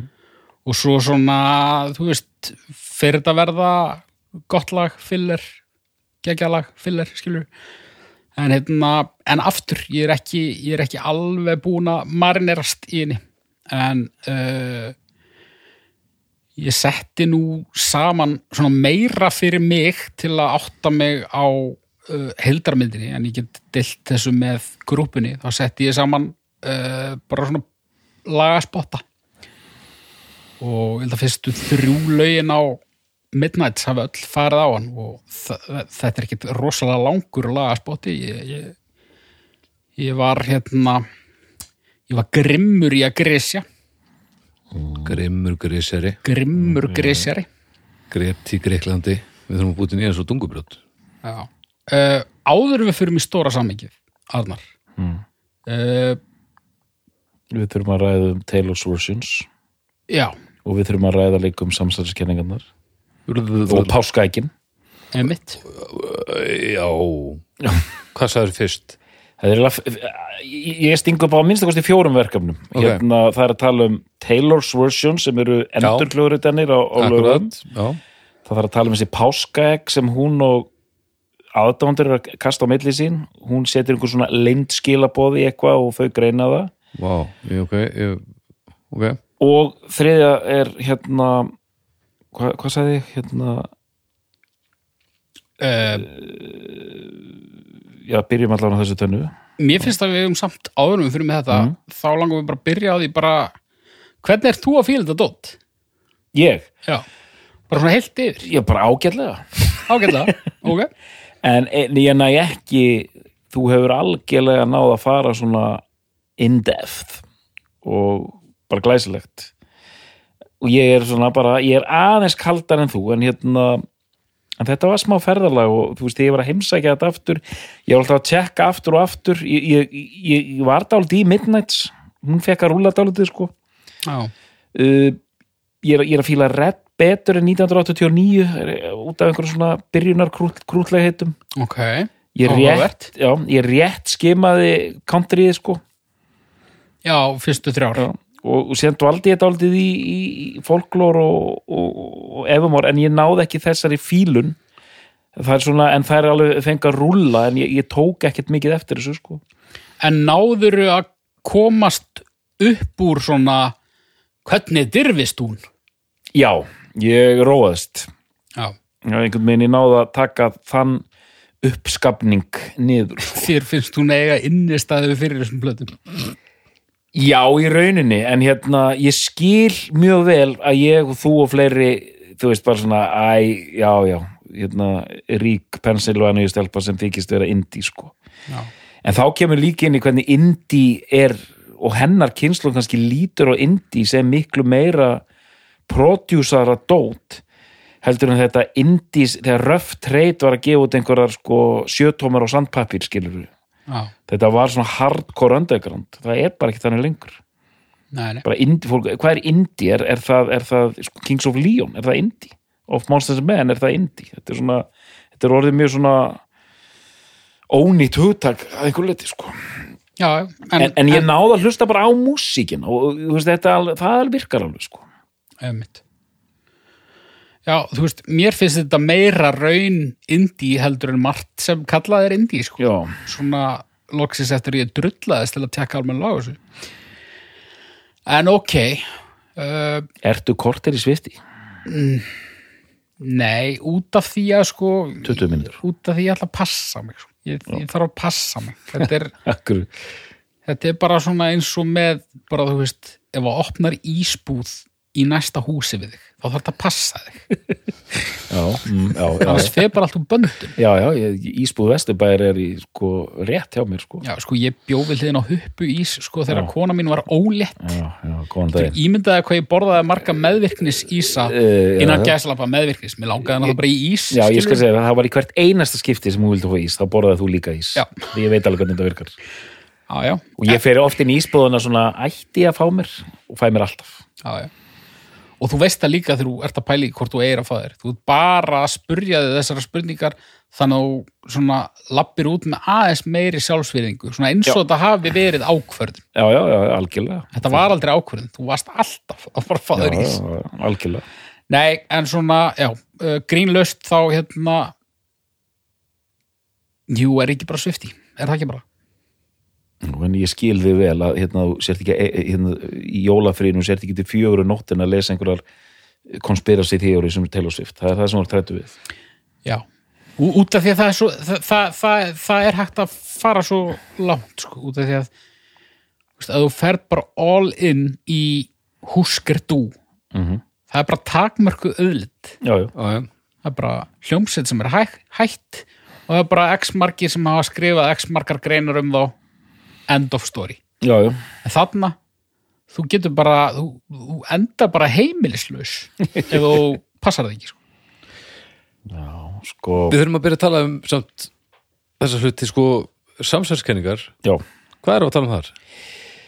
Um, sko, mér, mér finnst svolítið bratt að kalla það samsett Nei, já, ég ætla að baka út úr því hérna, við Já. skulum við þurfum að dekka þetta tvent allan til að byrja með, það er þetta Taylor's Versions og páskaegin, við skulum kalla þetta páskaeg það er þannig að þegar Taylor Swift byrtir einhverja ljósmynd eða myndband eða eitthvað alveg þá felur hún skilabóð til aðdáðanda þetta getur verið uh, vísbendingar um útgáfudag vísbendingar um þetta og hitt. Ok, og hvort kemur undan ekki eða hænan þetta byrjaði í rauninni að aðdándur byrjuðu að svona velta sér upp og einhverja þetta gæti þýtt þetta og hitt gæti þýtt þýtt hitt.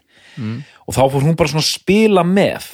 Og nú er þetta svona eiginlega partur af hennar ferli er að þjóna þessu líka sko. Þannig að allt sem hún gerir núna hún byrti eitthvað myndband um daginn sem ég sá bara sem eitthvað myndband. Hún og hann hvað heitir hann djöfull hann nýjasti upptökustjórun hennar hérna hann hefur verið að vinna með Lörnu til rey held ég líka sko, nörd svona dökkarður nörd með gleru. Og ykkur svona djöfisins, já. Þá eru þau tvö bara eitthvað að tala saman. Ég sá ekki neitt, síðan fór ég að tala við tíða nefndu mína. Það bara, já sko, er, þau, þau heldu puttunum sko svona. Það þýðir fimm. Og síðan er, er kerti fyrir aftanana á, hérna, arin, hjá arineldinum það þýðir þetta. og ef þú leggur þetta saman við síðasta póst þá farið þú töluna nýju, við erum á þessu sveiði sko. Já, þarna verður hún alltaf að vísa nefndum þínum á eitthvað skonar aðstof eða dyr. Hjá, hjá fagaðel. Þetta er ekki í lagi. og uh, þetta er sérst í gangi sko. þetta er, er, er hennar þetta er það sem hún er að gera bara mjög meðvitað núna að eh, við kallað þetta páskaegg svona uh, gestaþraut já, þetta, já, þetta er, er nú rallegur já, þetta er bara, þetta er það. Já, og það er allir inn á neitt sko. Ok. Hvað segir þú um þetta hugur? Eru samt allir inn á þetta, sko. margir. Að þetta er svona hennar enginni það er, það er engin, ég man ekki eftir neinum svona stórun sem er þekkt fyrir það að vera alltaf í þessum leik en hún já. það, hún gerir þetta sko. Viljandi. Já, Sérna, U2 er ekki að fela einhver dulin skilabóð í einhverjum yfirlýsingum hvað ætli margir sem múin að hlusta á uh, allt dótið hennar aftur á bakk? Einhverju og, og hvað heldur að þú finnir þar Sko, ef viljinni fyrir hendi þá getur þú fundið allt, sko, já, allstaðar hjá öllum. já, En já, sko, þessar Taylor Taylors versjónir, sko. Já, Það er ofbúðslega löng og flókin saga og ég þekki hana ekki alveg til hlítar en ég, ég skal reyna svona út frá því hvernig ég skil þetta sko. Sagt, eftir Reputation 2017 plötuna uh það er sett sjötta platan hennar. Þá losnar hún úr uh, plötusamningum við Big Machine Records uh, og hún um svipa leiti lýsir yfir áhuga yfir því að kaupa masterana sína. Já, þetta virkar þannig að uh, yfirleitt sko á plötu útgefandin uh, sem sagt þá bara nema og sért búin að gera nýjan samning og sért í einhverju sturlaðari stöðu sko. En uh, hún getur eitthvað reynd að hafa eitthvað stjórn og einhverju út af því að hún er titlaður lagahöfundur af öllum lögun ég, ég Já, þek- hún- þekki þetta ekki nák nákvæmlega. sem sagt útgáfa fyrirtækið á þá upptökurnar já, og stjórnar mikið til hvað má gera með það. Einmitt. En hún hefur neittuna vald gagvart einhverjum hlutum sem að tengjast þá þriðaðila Já. En þarna til dæmis getur útgefandinn gefið út bara veist, eins og hefur gert. Það var gefið út einhver live-plata sem að hún hafði ekkert um að segja. Já, ég gef mér það úst, og neitunarvald sko. neitunarvald á endurútgáfu á eldra efni og eitthvað Já. Og hún var komin í eitthvað fæting við útgáfu fyrirtækið. Út af þeir, hérna, þessir menn hjá Big Machine, Uh, þetta fyrirtæki er selt einhverjum algjörum tillingi sem heitir Scooter Braun. Og hann er einhver umbóðsmaður Kanye West og Já, Bieber og eitthvað, eitthvað, algjör drullusbæði mm. og uh, það var strax einhver kerkja út af því að náttúrulega uh, hún lítur ekki á, á Kanye West sem sinn besta vin eftir að hann Nei, strunsaði hann upp á svið þegar hún var að taka á móti einhvernum verðlunum og svo gaf hann út eitthvað lag þar sem hann var að tala um að ríða henni og eitthvað, eitthvað umulegt þetta er þegar að þegar að hún uh, hún að taka á móti einhverjum verðlunum velunum fyrir myndband já, og hann mætir og segir að Beyoncé hefði átt að einmitt. Þannig að það var eitthvað hérna, no pun hérna, það var eitthvað svona bad blood þarna milli. Um, uh, og henni sagt hún fær þau skilabóð hún geti keift þessa mastera á þann hátt að hún geri sagt nýjan samning við útgáfufyrirtækið upp á sex plötur og við hverja plötu sem hún gefur út þá fær hún master af einni gamalli til sín hún var ekki til í það Nei. og uh, svo bara uh, þetta bara vatt upp á sig og bara mikil illindi og, og endar sérst með því að hún ákveður að segja það bara að fóka sér Mhm. sænar bara á nýtt label Mhm. og ákveður sérst að endur hljóðrita þessar gömlu plötur sínar þannig að hún öðlist uh, sérst stjórnina yfir því, þú veist. Í síng og svona. Já, bara ef við erum að nota þetta í eitthvað bíómynd eða eitthvað sjónvarsþátt eða eitthvað auðlýsingu að þá, þú veist, þá er þetta hjá henni. Mhm. uh, Gömlu útgáðnar eru náttúrulega alltaf til. Já, já. en, en þess vegna held ég að, að ef ég skildar rétt að, að hún reynir að gera þetta eins líkt gömlu útgáðunum Já, bara alveg eins, skils mér. Já, þetta er ekki alveg eins samt. Nema bara tækninni hefur náttúrulega úst að það er bara betri græður hún er náttúrulega bara betri. Já, já. Og þetta er eitthvað spíkna á uh, sko það, það, þær sem eru komnar út eru allar af þessum fyrstu sex nema sem sagt, Taylor Swift, fyrsta platan og Reputation Hvenær byrjaði þetta? síðasta platan í uh, hvernig byrjaði þetta? Já, þetta byrju byrjaði bara í fyrra eða eitthvað?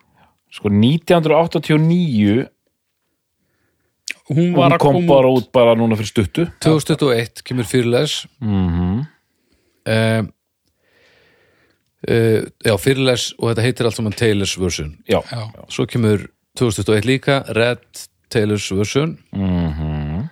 uh, Svo kemur með, uh, Speak Now Taylor's version kemur 2023 og 1989 Taylor's version kom út núna í oktober og það er svo merkilegt að Djúvill er þetta stórkoslegt múf já, Djúvill er þetta ævintýrlega mikið fokkjúmerki hún er náttúrulega bara að hún, hún er að slátra bransa sem hefur farið illa með tónlistafólki ykkur um tíðina endalaust hún er bara að geta þetta lið. Og náttúrulega um leið og hún byrjar að hóta þessu þá byrjar þessi Scooter Braun að reyna að selja hérna, að reyna að selja katalógin hennar. Að, og sagan segir að hann hafi alltaf sko reynda að telja mögulegum kaupendum trúum það að bara, hún er bara að bleffa. Hún er aldrei að fara að gera það, bara engar áhyggjur. Hann næra að selja þetta en hún gerir þetta samt. Og hérna og uh, fyrirtæki sem endar á að kaupa þetta í rauninni bara uh, gefur út eitthvað svona yfirlýsingum það að það viti af þessum áformum hennar að, og bara stiður hana í því. Bara flott. Ok. Þannig að já, en, þannig að en það er svo eh, merkilegt að hérna, einmitt, þetta er eins en, en svo merkilegt sko ef ef No Means No myndu endur hljóður þetta wrong, já, þú myndir heyra mjög mikið mjög já, já, en einhver sem þekki plötun ekki neitt og hefði kannski einn dag til að hlusta á báðar útgáðnar, hann myndi heyra miklu minna sko. Já. hann myndi heyra mun en minna Þetta er líka, ég ég er ekki búin að hlusta á AB-testa en ég gef mér að það er náttúrulega meiri munur á eldri verkunum. já, aðalega bara út á röddinni sko. Röddinni og líka bara bara öllu held ég. það er öðruvísi Já, það ég er fyllra Ég soundið gef sko. að það sé ekki verið að eldast við ekki frábæra sándið sem að þú uh, varst með uh, þarna í den. Eða þú veist, þetta verður aldrei sánda hörmulega en þetta er sannlega, þú veist betra, já, þetta er svona, svona bara meira mótarinn já en svo náttúrulega spurning já, þetta eld, elsta dót hefur þetta voða mikið svona country country romantík í þessu þá er kannski ekkert verið, það er ekkert alltaf verið að taka nýja tökku, sko en ég bara, þekki efnið ekki nógu vel til þess að vera nei, sko, ég, ég hlustaði Þetta hefur alltaf verið helviti fáað samt. já, ég hlustaði aðeins á þetta bara svona rétt til að vita hvað ég var að tala um sko. Já, og ég er mitt ég, ég er þarna, ég heyri lítinn mun en í öllum tilfellum finnst mér samt orgila, originalarnir betri Hlustar á þá? Já, Ok, ég, satt- ég hlustaði á allan katalógin original já, og svo bara svona rétt svona hlustaði ég á lag og lag af þessum endurútgáfum, bara svona til að fá tilfinninguna ok En er það rétt að sannir Swifties hlusta á nýju plöndar? Til að stiðja sína konu? sko, það, það, halda. það er allavega einhver það, það er eitthvað, eitthvað hlutfall sem að svona manni finnst eins og sko og fólk hafi nánast móral ef það gerir það ekki sko. Sem að, eh, þú veist, ég hafði alls ekki, sko. ég vildi bara heyra þetta eins og þetta var þetta kom út og, og, og tekka svo bara hinnu til viðmiðunar sko. en uh, en maður heyri það samt þú veist og, og auðvitað spilar inn í að maður veit þetta, skilur Já, já, uh, en þú veist eins og þú ert bara að endurtaka eins og flissið þarna í intróinu af hérna, Off skilur sem virkar rosa spontant þarna þegar kemur á 1989 plöðunni uh bara já, hún hefur farið að hlæja í, í söngklefanum og ákveða að leifa því bara að fljóta með. Og svo er þetta, svo er þetta endurtaka það, þú ert að pródúsera eitthvað svona innan gæsalappa mistök. Út eða þú veist af því, þá finnst þér það aðeins meira feik sko. En. En það er rosa erfitt að rosa erfitt að, að heyra þetta með svona alveg hlutlausum eyrum sko. Þarna, ég hefði bara gert eitthvað allt annað. Þetta, það hefði í rauninni verið bara sniður, sko. Nei, Nei, Held, nei, ég heldur að vera að herma eftir óvart flissi, sko. En sko ef ég er að skilja þetta rétt þá held ég ástæðan fyrir því að hún er að reyna að gera þetta svona ofbúðslega líkt mm. að það er þannig að sá sem að þú veist, Fíla vill- þetta, já. eh, sá sem að vill til dæmis kaupa lagi Shake It Off Já. fyrir einhverja unglingamynd Já.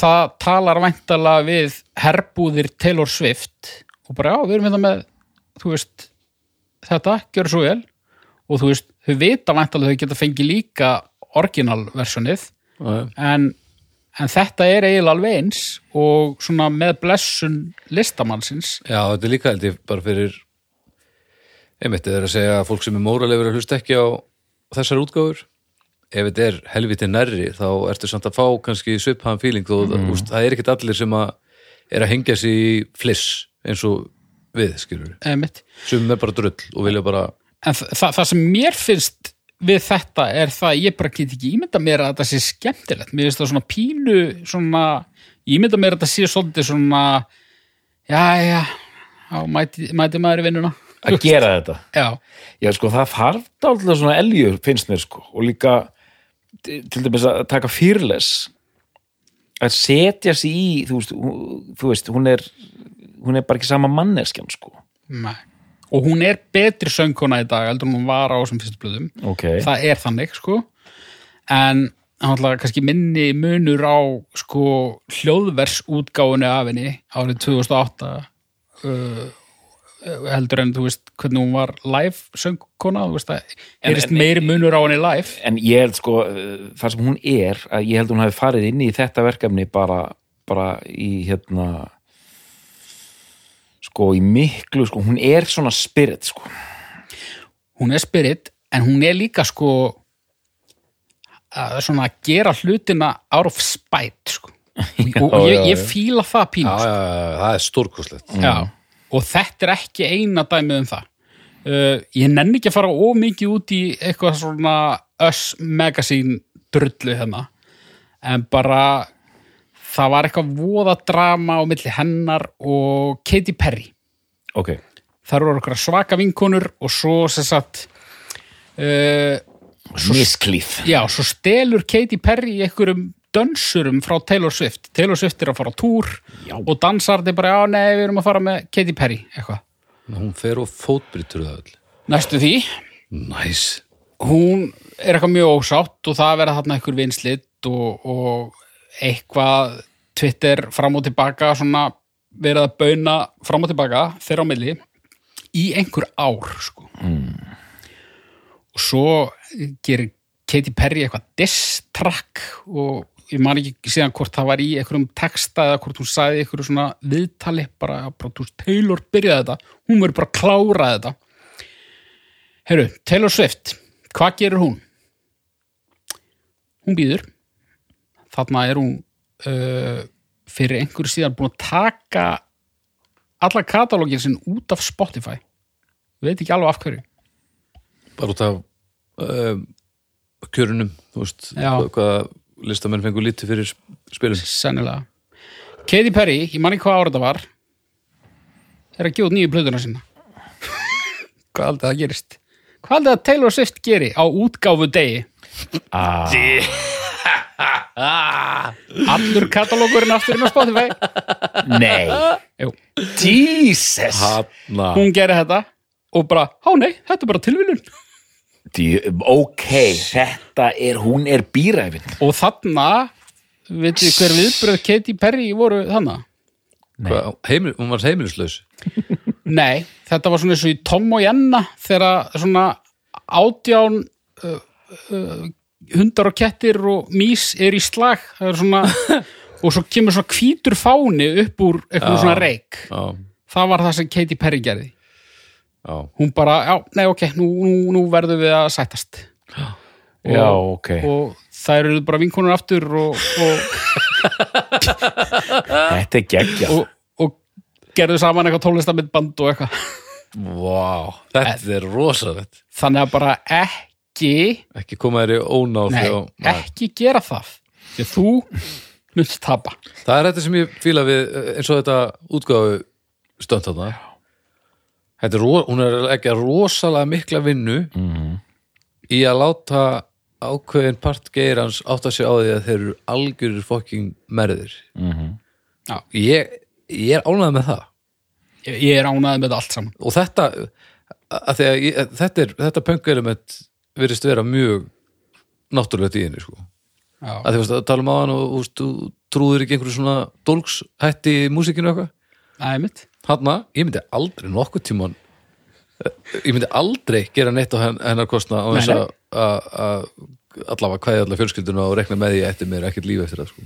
ekki sér sko. Og, og, og þráttur að hafa svona kannski sett spurningamerki við hérna, svona hennar uh, svona yfirborðskúl þá vil ég að það komi fram að mér finnst hún kúl þráttur allt. Já, já, já, ég er hérna og mér finnst eiginlega óþólandi hvað ég fíla hana sem karakter líka sko. Út af því að Ok. hérna af hverju? hvað þið ert bara kortur í að fara að tjálta í hálft ár til þess að ná að vera fremst eða? Nei, nú er bróði minn að hlusta á þetta og hann er úksla glaður yfir að ég hef haft rámt fyrir mér og ég er bara, "Eh, þetta er ekki bara country drasl ný, eitthvað. en þú hafði rátt fyrir þið Já, að það er fókin óþólandi og það er alveg jafn- það rátt fyrir þið í þessu eins og óperunum og með sunduna. Já, að, þú gætir það skilur já, já. og þú er bara að leifa honum að eiga þennan sigur hann, ég, get, ég skil hann mjög vel að þetta er sætur sigur. Já. En Þetta er samt óþólandi já, já, mútan, verður brjálaður, endilega. Er já, við erum við getum ekki hætt þarna sko út af því að núna náttúrulega bara uh, við verðum að tala um þessa stærð sko. já, við erum náttúrulega búnir að minnast á hana en, en sko hefur hann Það- fengið einhver velun eða, já, ekkur viðurkenningaskjöl eða ekki, Jó, já. Við, að því, mér syndist þér ekkast augunni að bjartast á vonin eitthvað. Ég, skal, hérna, ég finn út úr því bara, en allt áfram Já, þessi stærð, Já, Hva, og- hvaða stærð er þetta? Út þetta, þetta er bara mesta stærðin sko. og, og, og, og bara aftur í línumannin sko. bara við sváfum á verðinum. Og hún fór bara úr því að vera bara svona enn ein ekkur stelpa með gítar og kúrkahatt yfir í það að vera bara svona contender í bara svona mainstream poppi. Uh og maður held að það myndi enda þar en svo bara fyrir hún lengra og lengra og lengra og núna bara er þetta orðið bara algjör sturg Já, já, þetta er rosalegt. og hún er orðin sagt, hún er officially orðin miljardamæringur Mm náðu þeim áfanga núna bara í síðustu viku. Og þá erum við að tala um miljardar dollara. Já, sem stýðir að hún er á íslenskan mæli hverða þá hvað er það núna? 120 faldur miljardamæningur eða eitthvað já, eitthvað slags ég veit það ekki. En hérna eina ástæðan fyrir því að hún er hérna svona risastóra, hún er líka með nægilega mikið á svona Excel element í sér sko. Já, já, en Já, bara, já, þú veist það er var í- liði sem kann á Excel sem er ekki milliraðmæringar Þú veist, og ég er, ekki- ég er, það var ég ekki að segja hún sé til að ég er ekki, þetta er ekki til niðurfellingar heldur bara svona hún er nægilega köld einhvern megin sko.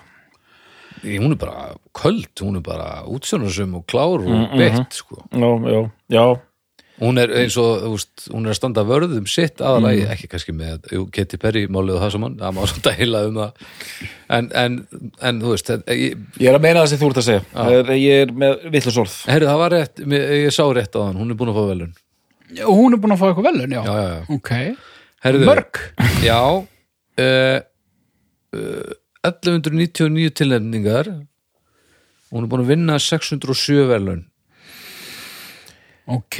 sem eru svona velun Það er samt bara 50% árangur. Þetta er alls konar velun, ég segi það ekki sko uh, en uh, hún er bara að fá flest velun frá einum stað, sérstaklega það er Guinness World Records Já.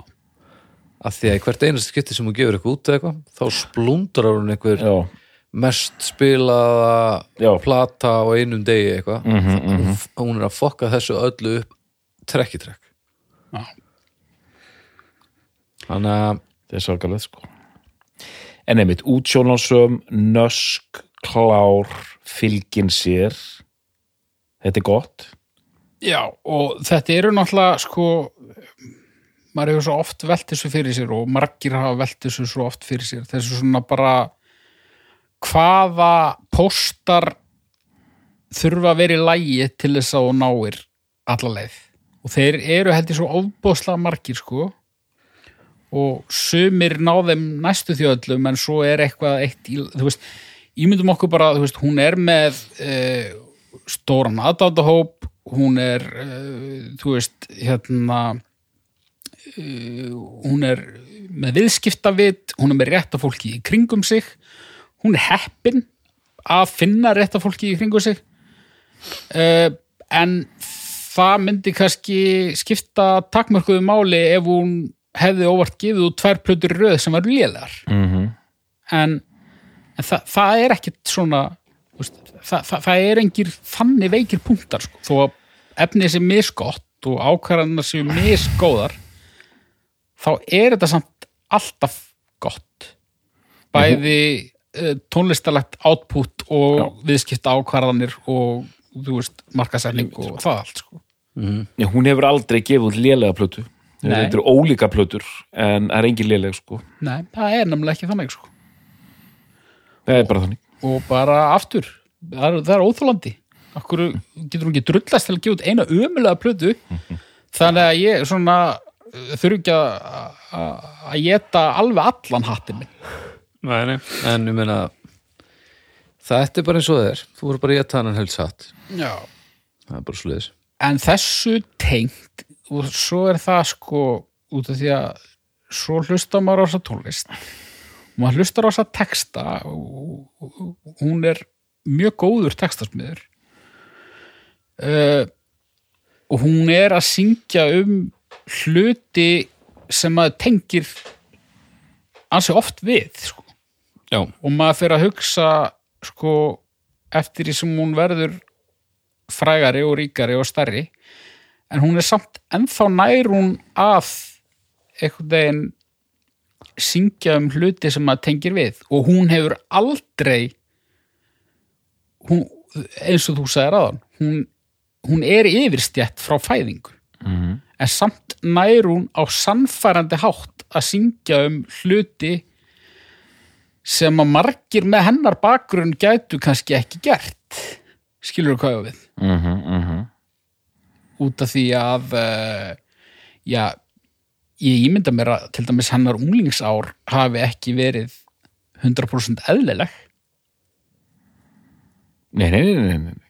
en samt einhvern veginn ég veit ekki hvort að hún bara uh, hvort uppeldið var það heilbrygt að það var reynt að halda henni niður á jörðinni eða eða hún er bara svona góð að setja sig í spór annara en ég einhvern veginn held ekki, hún þetta er allt voðalega samfærandi og hún einhvern veginn uh, hún verðist ekki enn vera búin að tapa einhverju svona hjartengingu það er það sem ég held ég sé að reyna að segja. Já sem er ótrúlegt og því þú hlusta á veist, Britney og Já. Madonna og Michael Jackson og þetta er allt bara ótrúlega svona eitthvað bara textar um eitthvað og, og svo að reyna að fara á dýftina og þá er það eitthvað klaufalegt og eitthvað uh, til þess að aðeins að koma inn á stærðina mm. hún er byrjað að deyta tætendin hjá Kansas City Chiefs Einmitt. í NFL Já. með amerískasta andlit í heimi hún er í rauninni að deyta tvo menn Uh, svona ef við erum að tala um bara svona sta, sta, starðina sko. já, þetta er, það, það er einn búkur og einn haus. En, en svona er massin er eiginlega tveir menn sko. já, já, það er, það er heil, þetta er heilmikill kall. Já. Að hún er í rauninni fjölkær.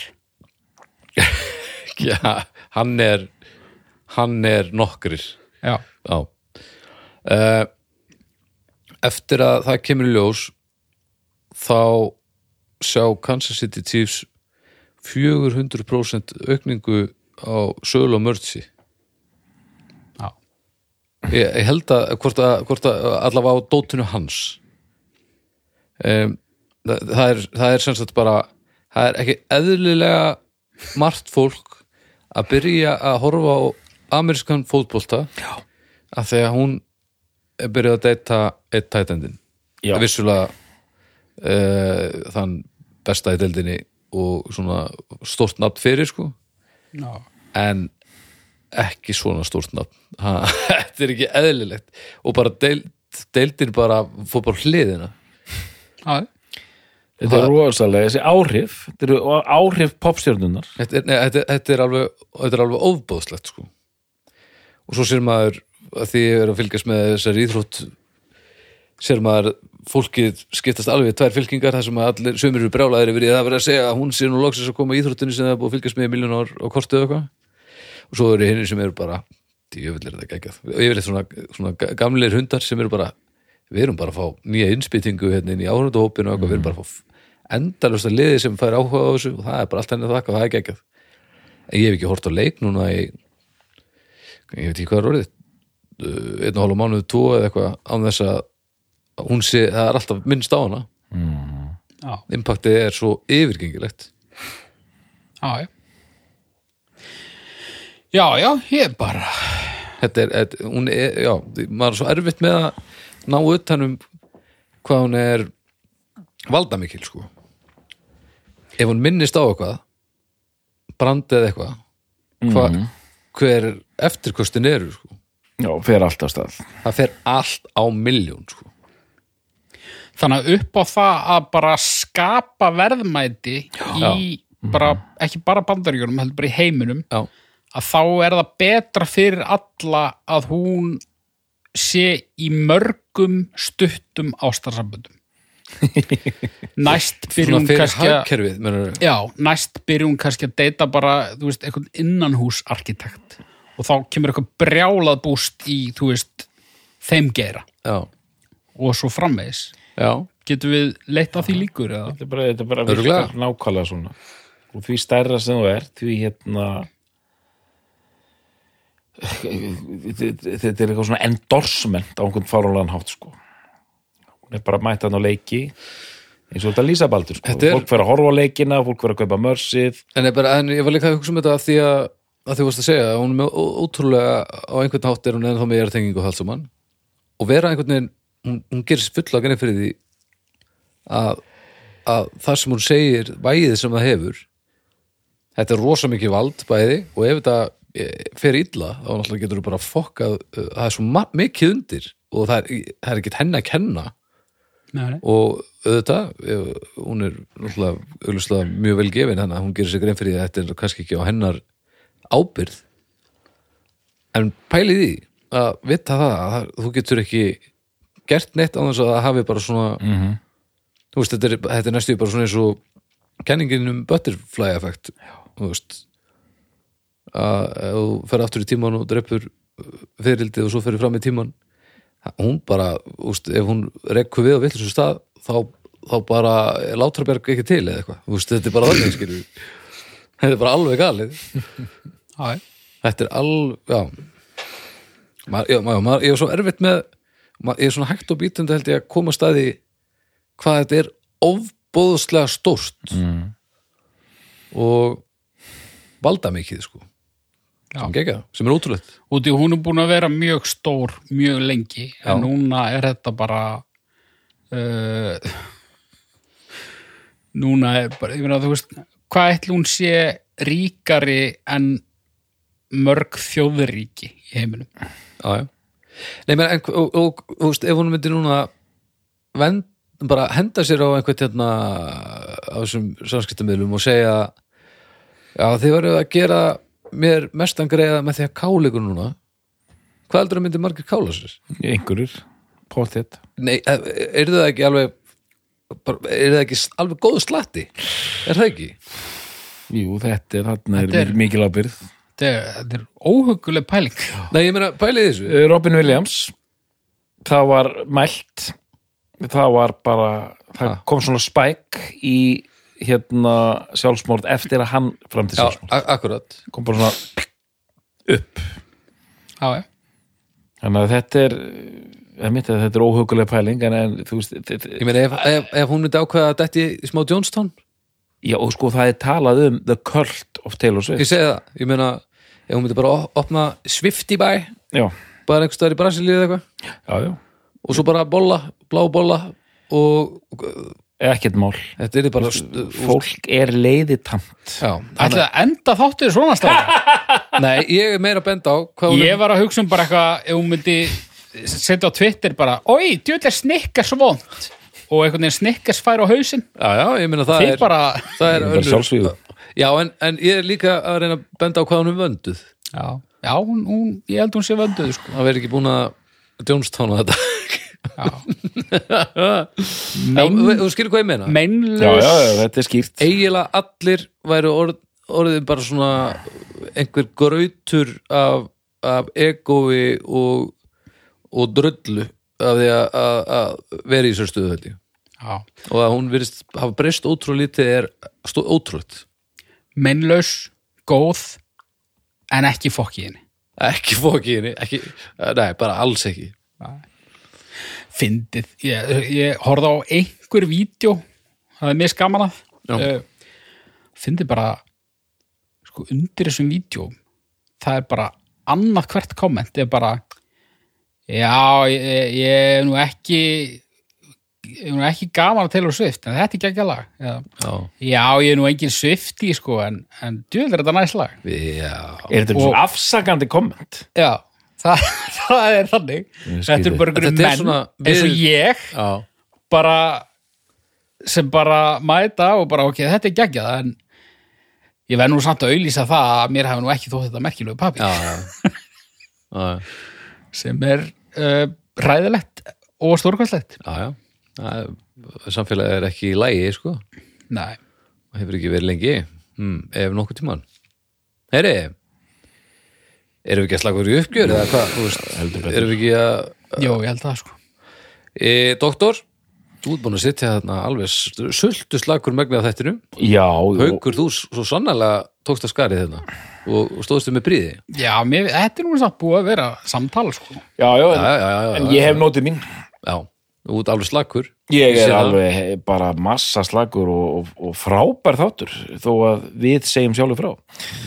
Já, en uh, gerðu upp. Já, sko já, bara meira áttar uh, sko, besta platan ég ætla að velja Red sem bestu plötuna. Þú þarf að redd sem bestu plötuna. Mm þó að hérna, jú, jú, vissulega svona búið að herða þetta betur á 1989 Tveir spekingar að tjá sig um Taylor Swift og yngri vilju 1989 Nei, ég mitt og, hérna, og ég er en ég er ekki að reyna að vera með stæla bara það er eitthvað við redd þetta skref þetta, þetta djarfa skref í þessa átt sem bara svona höfða til minn og ég bara svona ég fer svona meira af stað þegar hún byrjar heldur en hérna 1989 Ok. um, en með allt hitt bara ótrúlegt sko og hérna og þetta er búið að vera það er búið að vera heilmikil popfræði í þessum þætti sko bara ógeðslega gaman að velta þessu fyrir sér en, en ég er já langt í það kannski að vera svifti en, en, en sjáum til.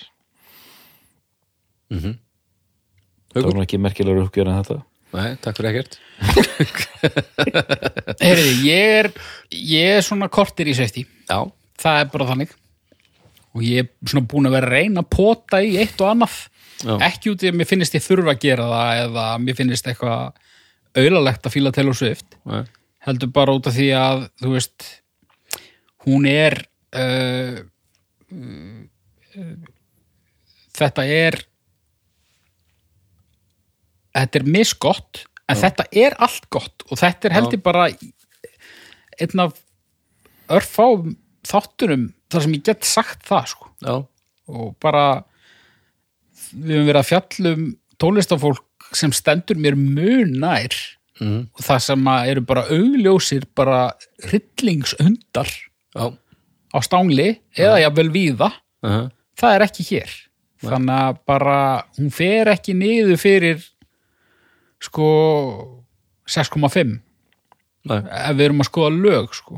Nei, þó þó, þó ég eh, eins og ég kom inn á hérna fyrir þættunum þetta country pop er ekki alveg mitt en ég bara ég vil ekki tjá mig of mikið um það vegna þess að það er bara ákveðin vannþekking og fordómar. Já, já, smekkur og hvort eitthvað sér drastlið tventólið, sko. Já, og bara landfræðilega lega sko. Já, já, já, já, þú, er, þú ert ekki frá Nashville. Ég er Þú ekki ert frá næsum sögulega lítið frá nei. En bara já ég, Myndur segja, myndur ekki segja að Garðabær væri Nashville Ísland? uh, kannski Nashville Suðurlands. Já, já, já.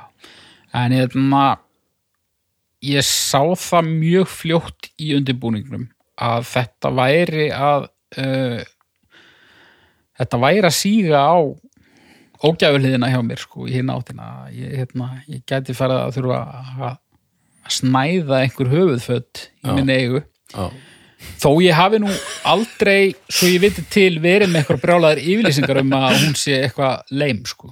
Nei, nei, nei. Ég, held að það hef ekki verið þannig sko. Er- en ég hef bara verið svona áhugaðlös það er eh, svona og að stríða litla bróður. Kallar á, á þínum og þar endur okkar aldrei þegar þeir uh, þeir skipta sér tvær fylkingar. Það er svona þeir sem að lýsa yfir uh, með stolti að þeir svona, já, ég ég, ég er bara að fíla Taylor Swift og það er svona einhvern veginn svona, sjáðu hvað ég er opinn. Og svo hinn sem þurfa að afsaka það svona, Já. já, mér finnst það nú gott en hérna en það er nú bara, bara hún eða veist, bara þessi plata eða eitthvað en sko miða við bara ég er mjög pop dífun neyður sko þannig að Já, já. þetta ætti ekki að vera svona erfitt fyrir mig þetta sko. er fjölskyldu erjur ég, ég held að þetta sé svolítið það sko. já. Og, og, og country hérna já, country erjur ég, ég, fúla móti þar sko já, já, en hérna, nei ég sá mjög fljótlega að, að þetta væri bara allt heldur gott sko. En ég sá ekki fyrir þegar ég byrjaði að ég myndi uh, fara svona djúft sko. Og ertu að fara að hlusta á fólklur bara reglulega? Uh, Smári minn, ertu til í að slökka á þættinum núna? Já, ég er að fara að gera það. Það er þannig. Ég er að fara að gera það sko.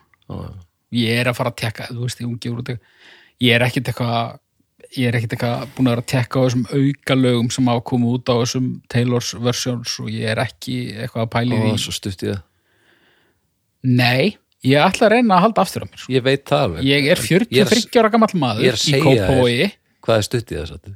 og ég ætla að halda ákveðinni fjarlægð. Nei, eða, jú, þú ætlar auðvitað að gera það það mun ekki ganga. Haukur, En þú voru okkar með ból Já, stiðið við stelpuna? Já, já. Já, Kiftu, kiftu, tvo, kiftu hann okkur líka. Þú voru- X3 þú voru að halda með Chiefs? Já, ég veit það ekki sko. Nei, Nei, ég hérna þetta var bara óbúslega ánægulegt og uh, í Fróðulegt fróðulegt og það er bara svona búið að uh, þetta var bara svona ákveðin svona blind spot í, í minni tónlistarlegu þekkingu sem er nú búið að uh, laga Já. og það er gott Og við hljótum að fagna því að stærstu stjörnur í tónlist í poppi í heiminum í dag séu, ekki að búið til mannaskýt já, séu að búa til svona hluti. Það er stórkostlegt. Við erum bara með hana, við erum með Beyoncé, við erum með helviti góðan popgrunn í gangi, sko. Úff, ég bara fekk smá svona kviðakastur og sagði Beyoncé eru að fara að þóra því auðvitað vöðu við hann á einhverju tímapunkti Annars, verði ég löngu hættu. ég er búin að það vera, bara með, þannig. ég er búin að vera með aðeins mér yfirlýsingar þar nefnilega sko. Já, þú færð djöfull átt eftir að fá að geta allt saman. Djö- Djöfull ætla ég vonu að eigi marga hattafur að þú verður allt árið að klára þá. Já, geymum þá umræðu en ég hef ímislegt um hana að segja aðalega byggt á einu lægi sem að mér geðast kannski ekki alveg nógu vel að en hvað um það? Uh, þetta er mitt uppgjör, ég endaði í folklór, uh, hún svona bara já, tók hægt og bítandi fram úr öllum plötum hana. Og uh, Flósi Þorgersson hann er nú ekkert svo villus Nei. Nei, hann er það ekki Þannig að Haukur er þetta besta plata Taylor Swift. Já, Doktor, er þetta besta plata Taylor Swift? nei, Við þakkum fyrir í dag og við heyrumst af vikuleginni.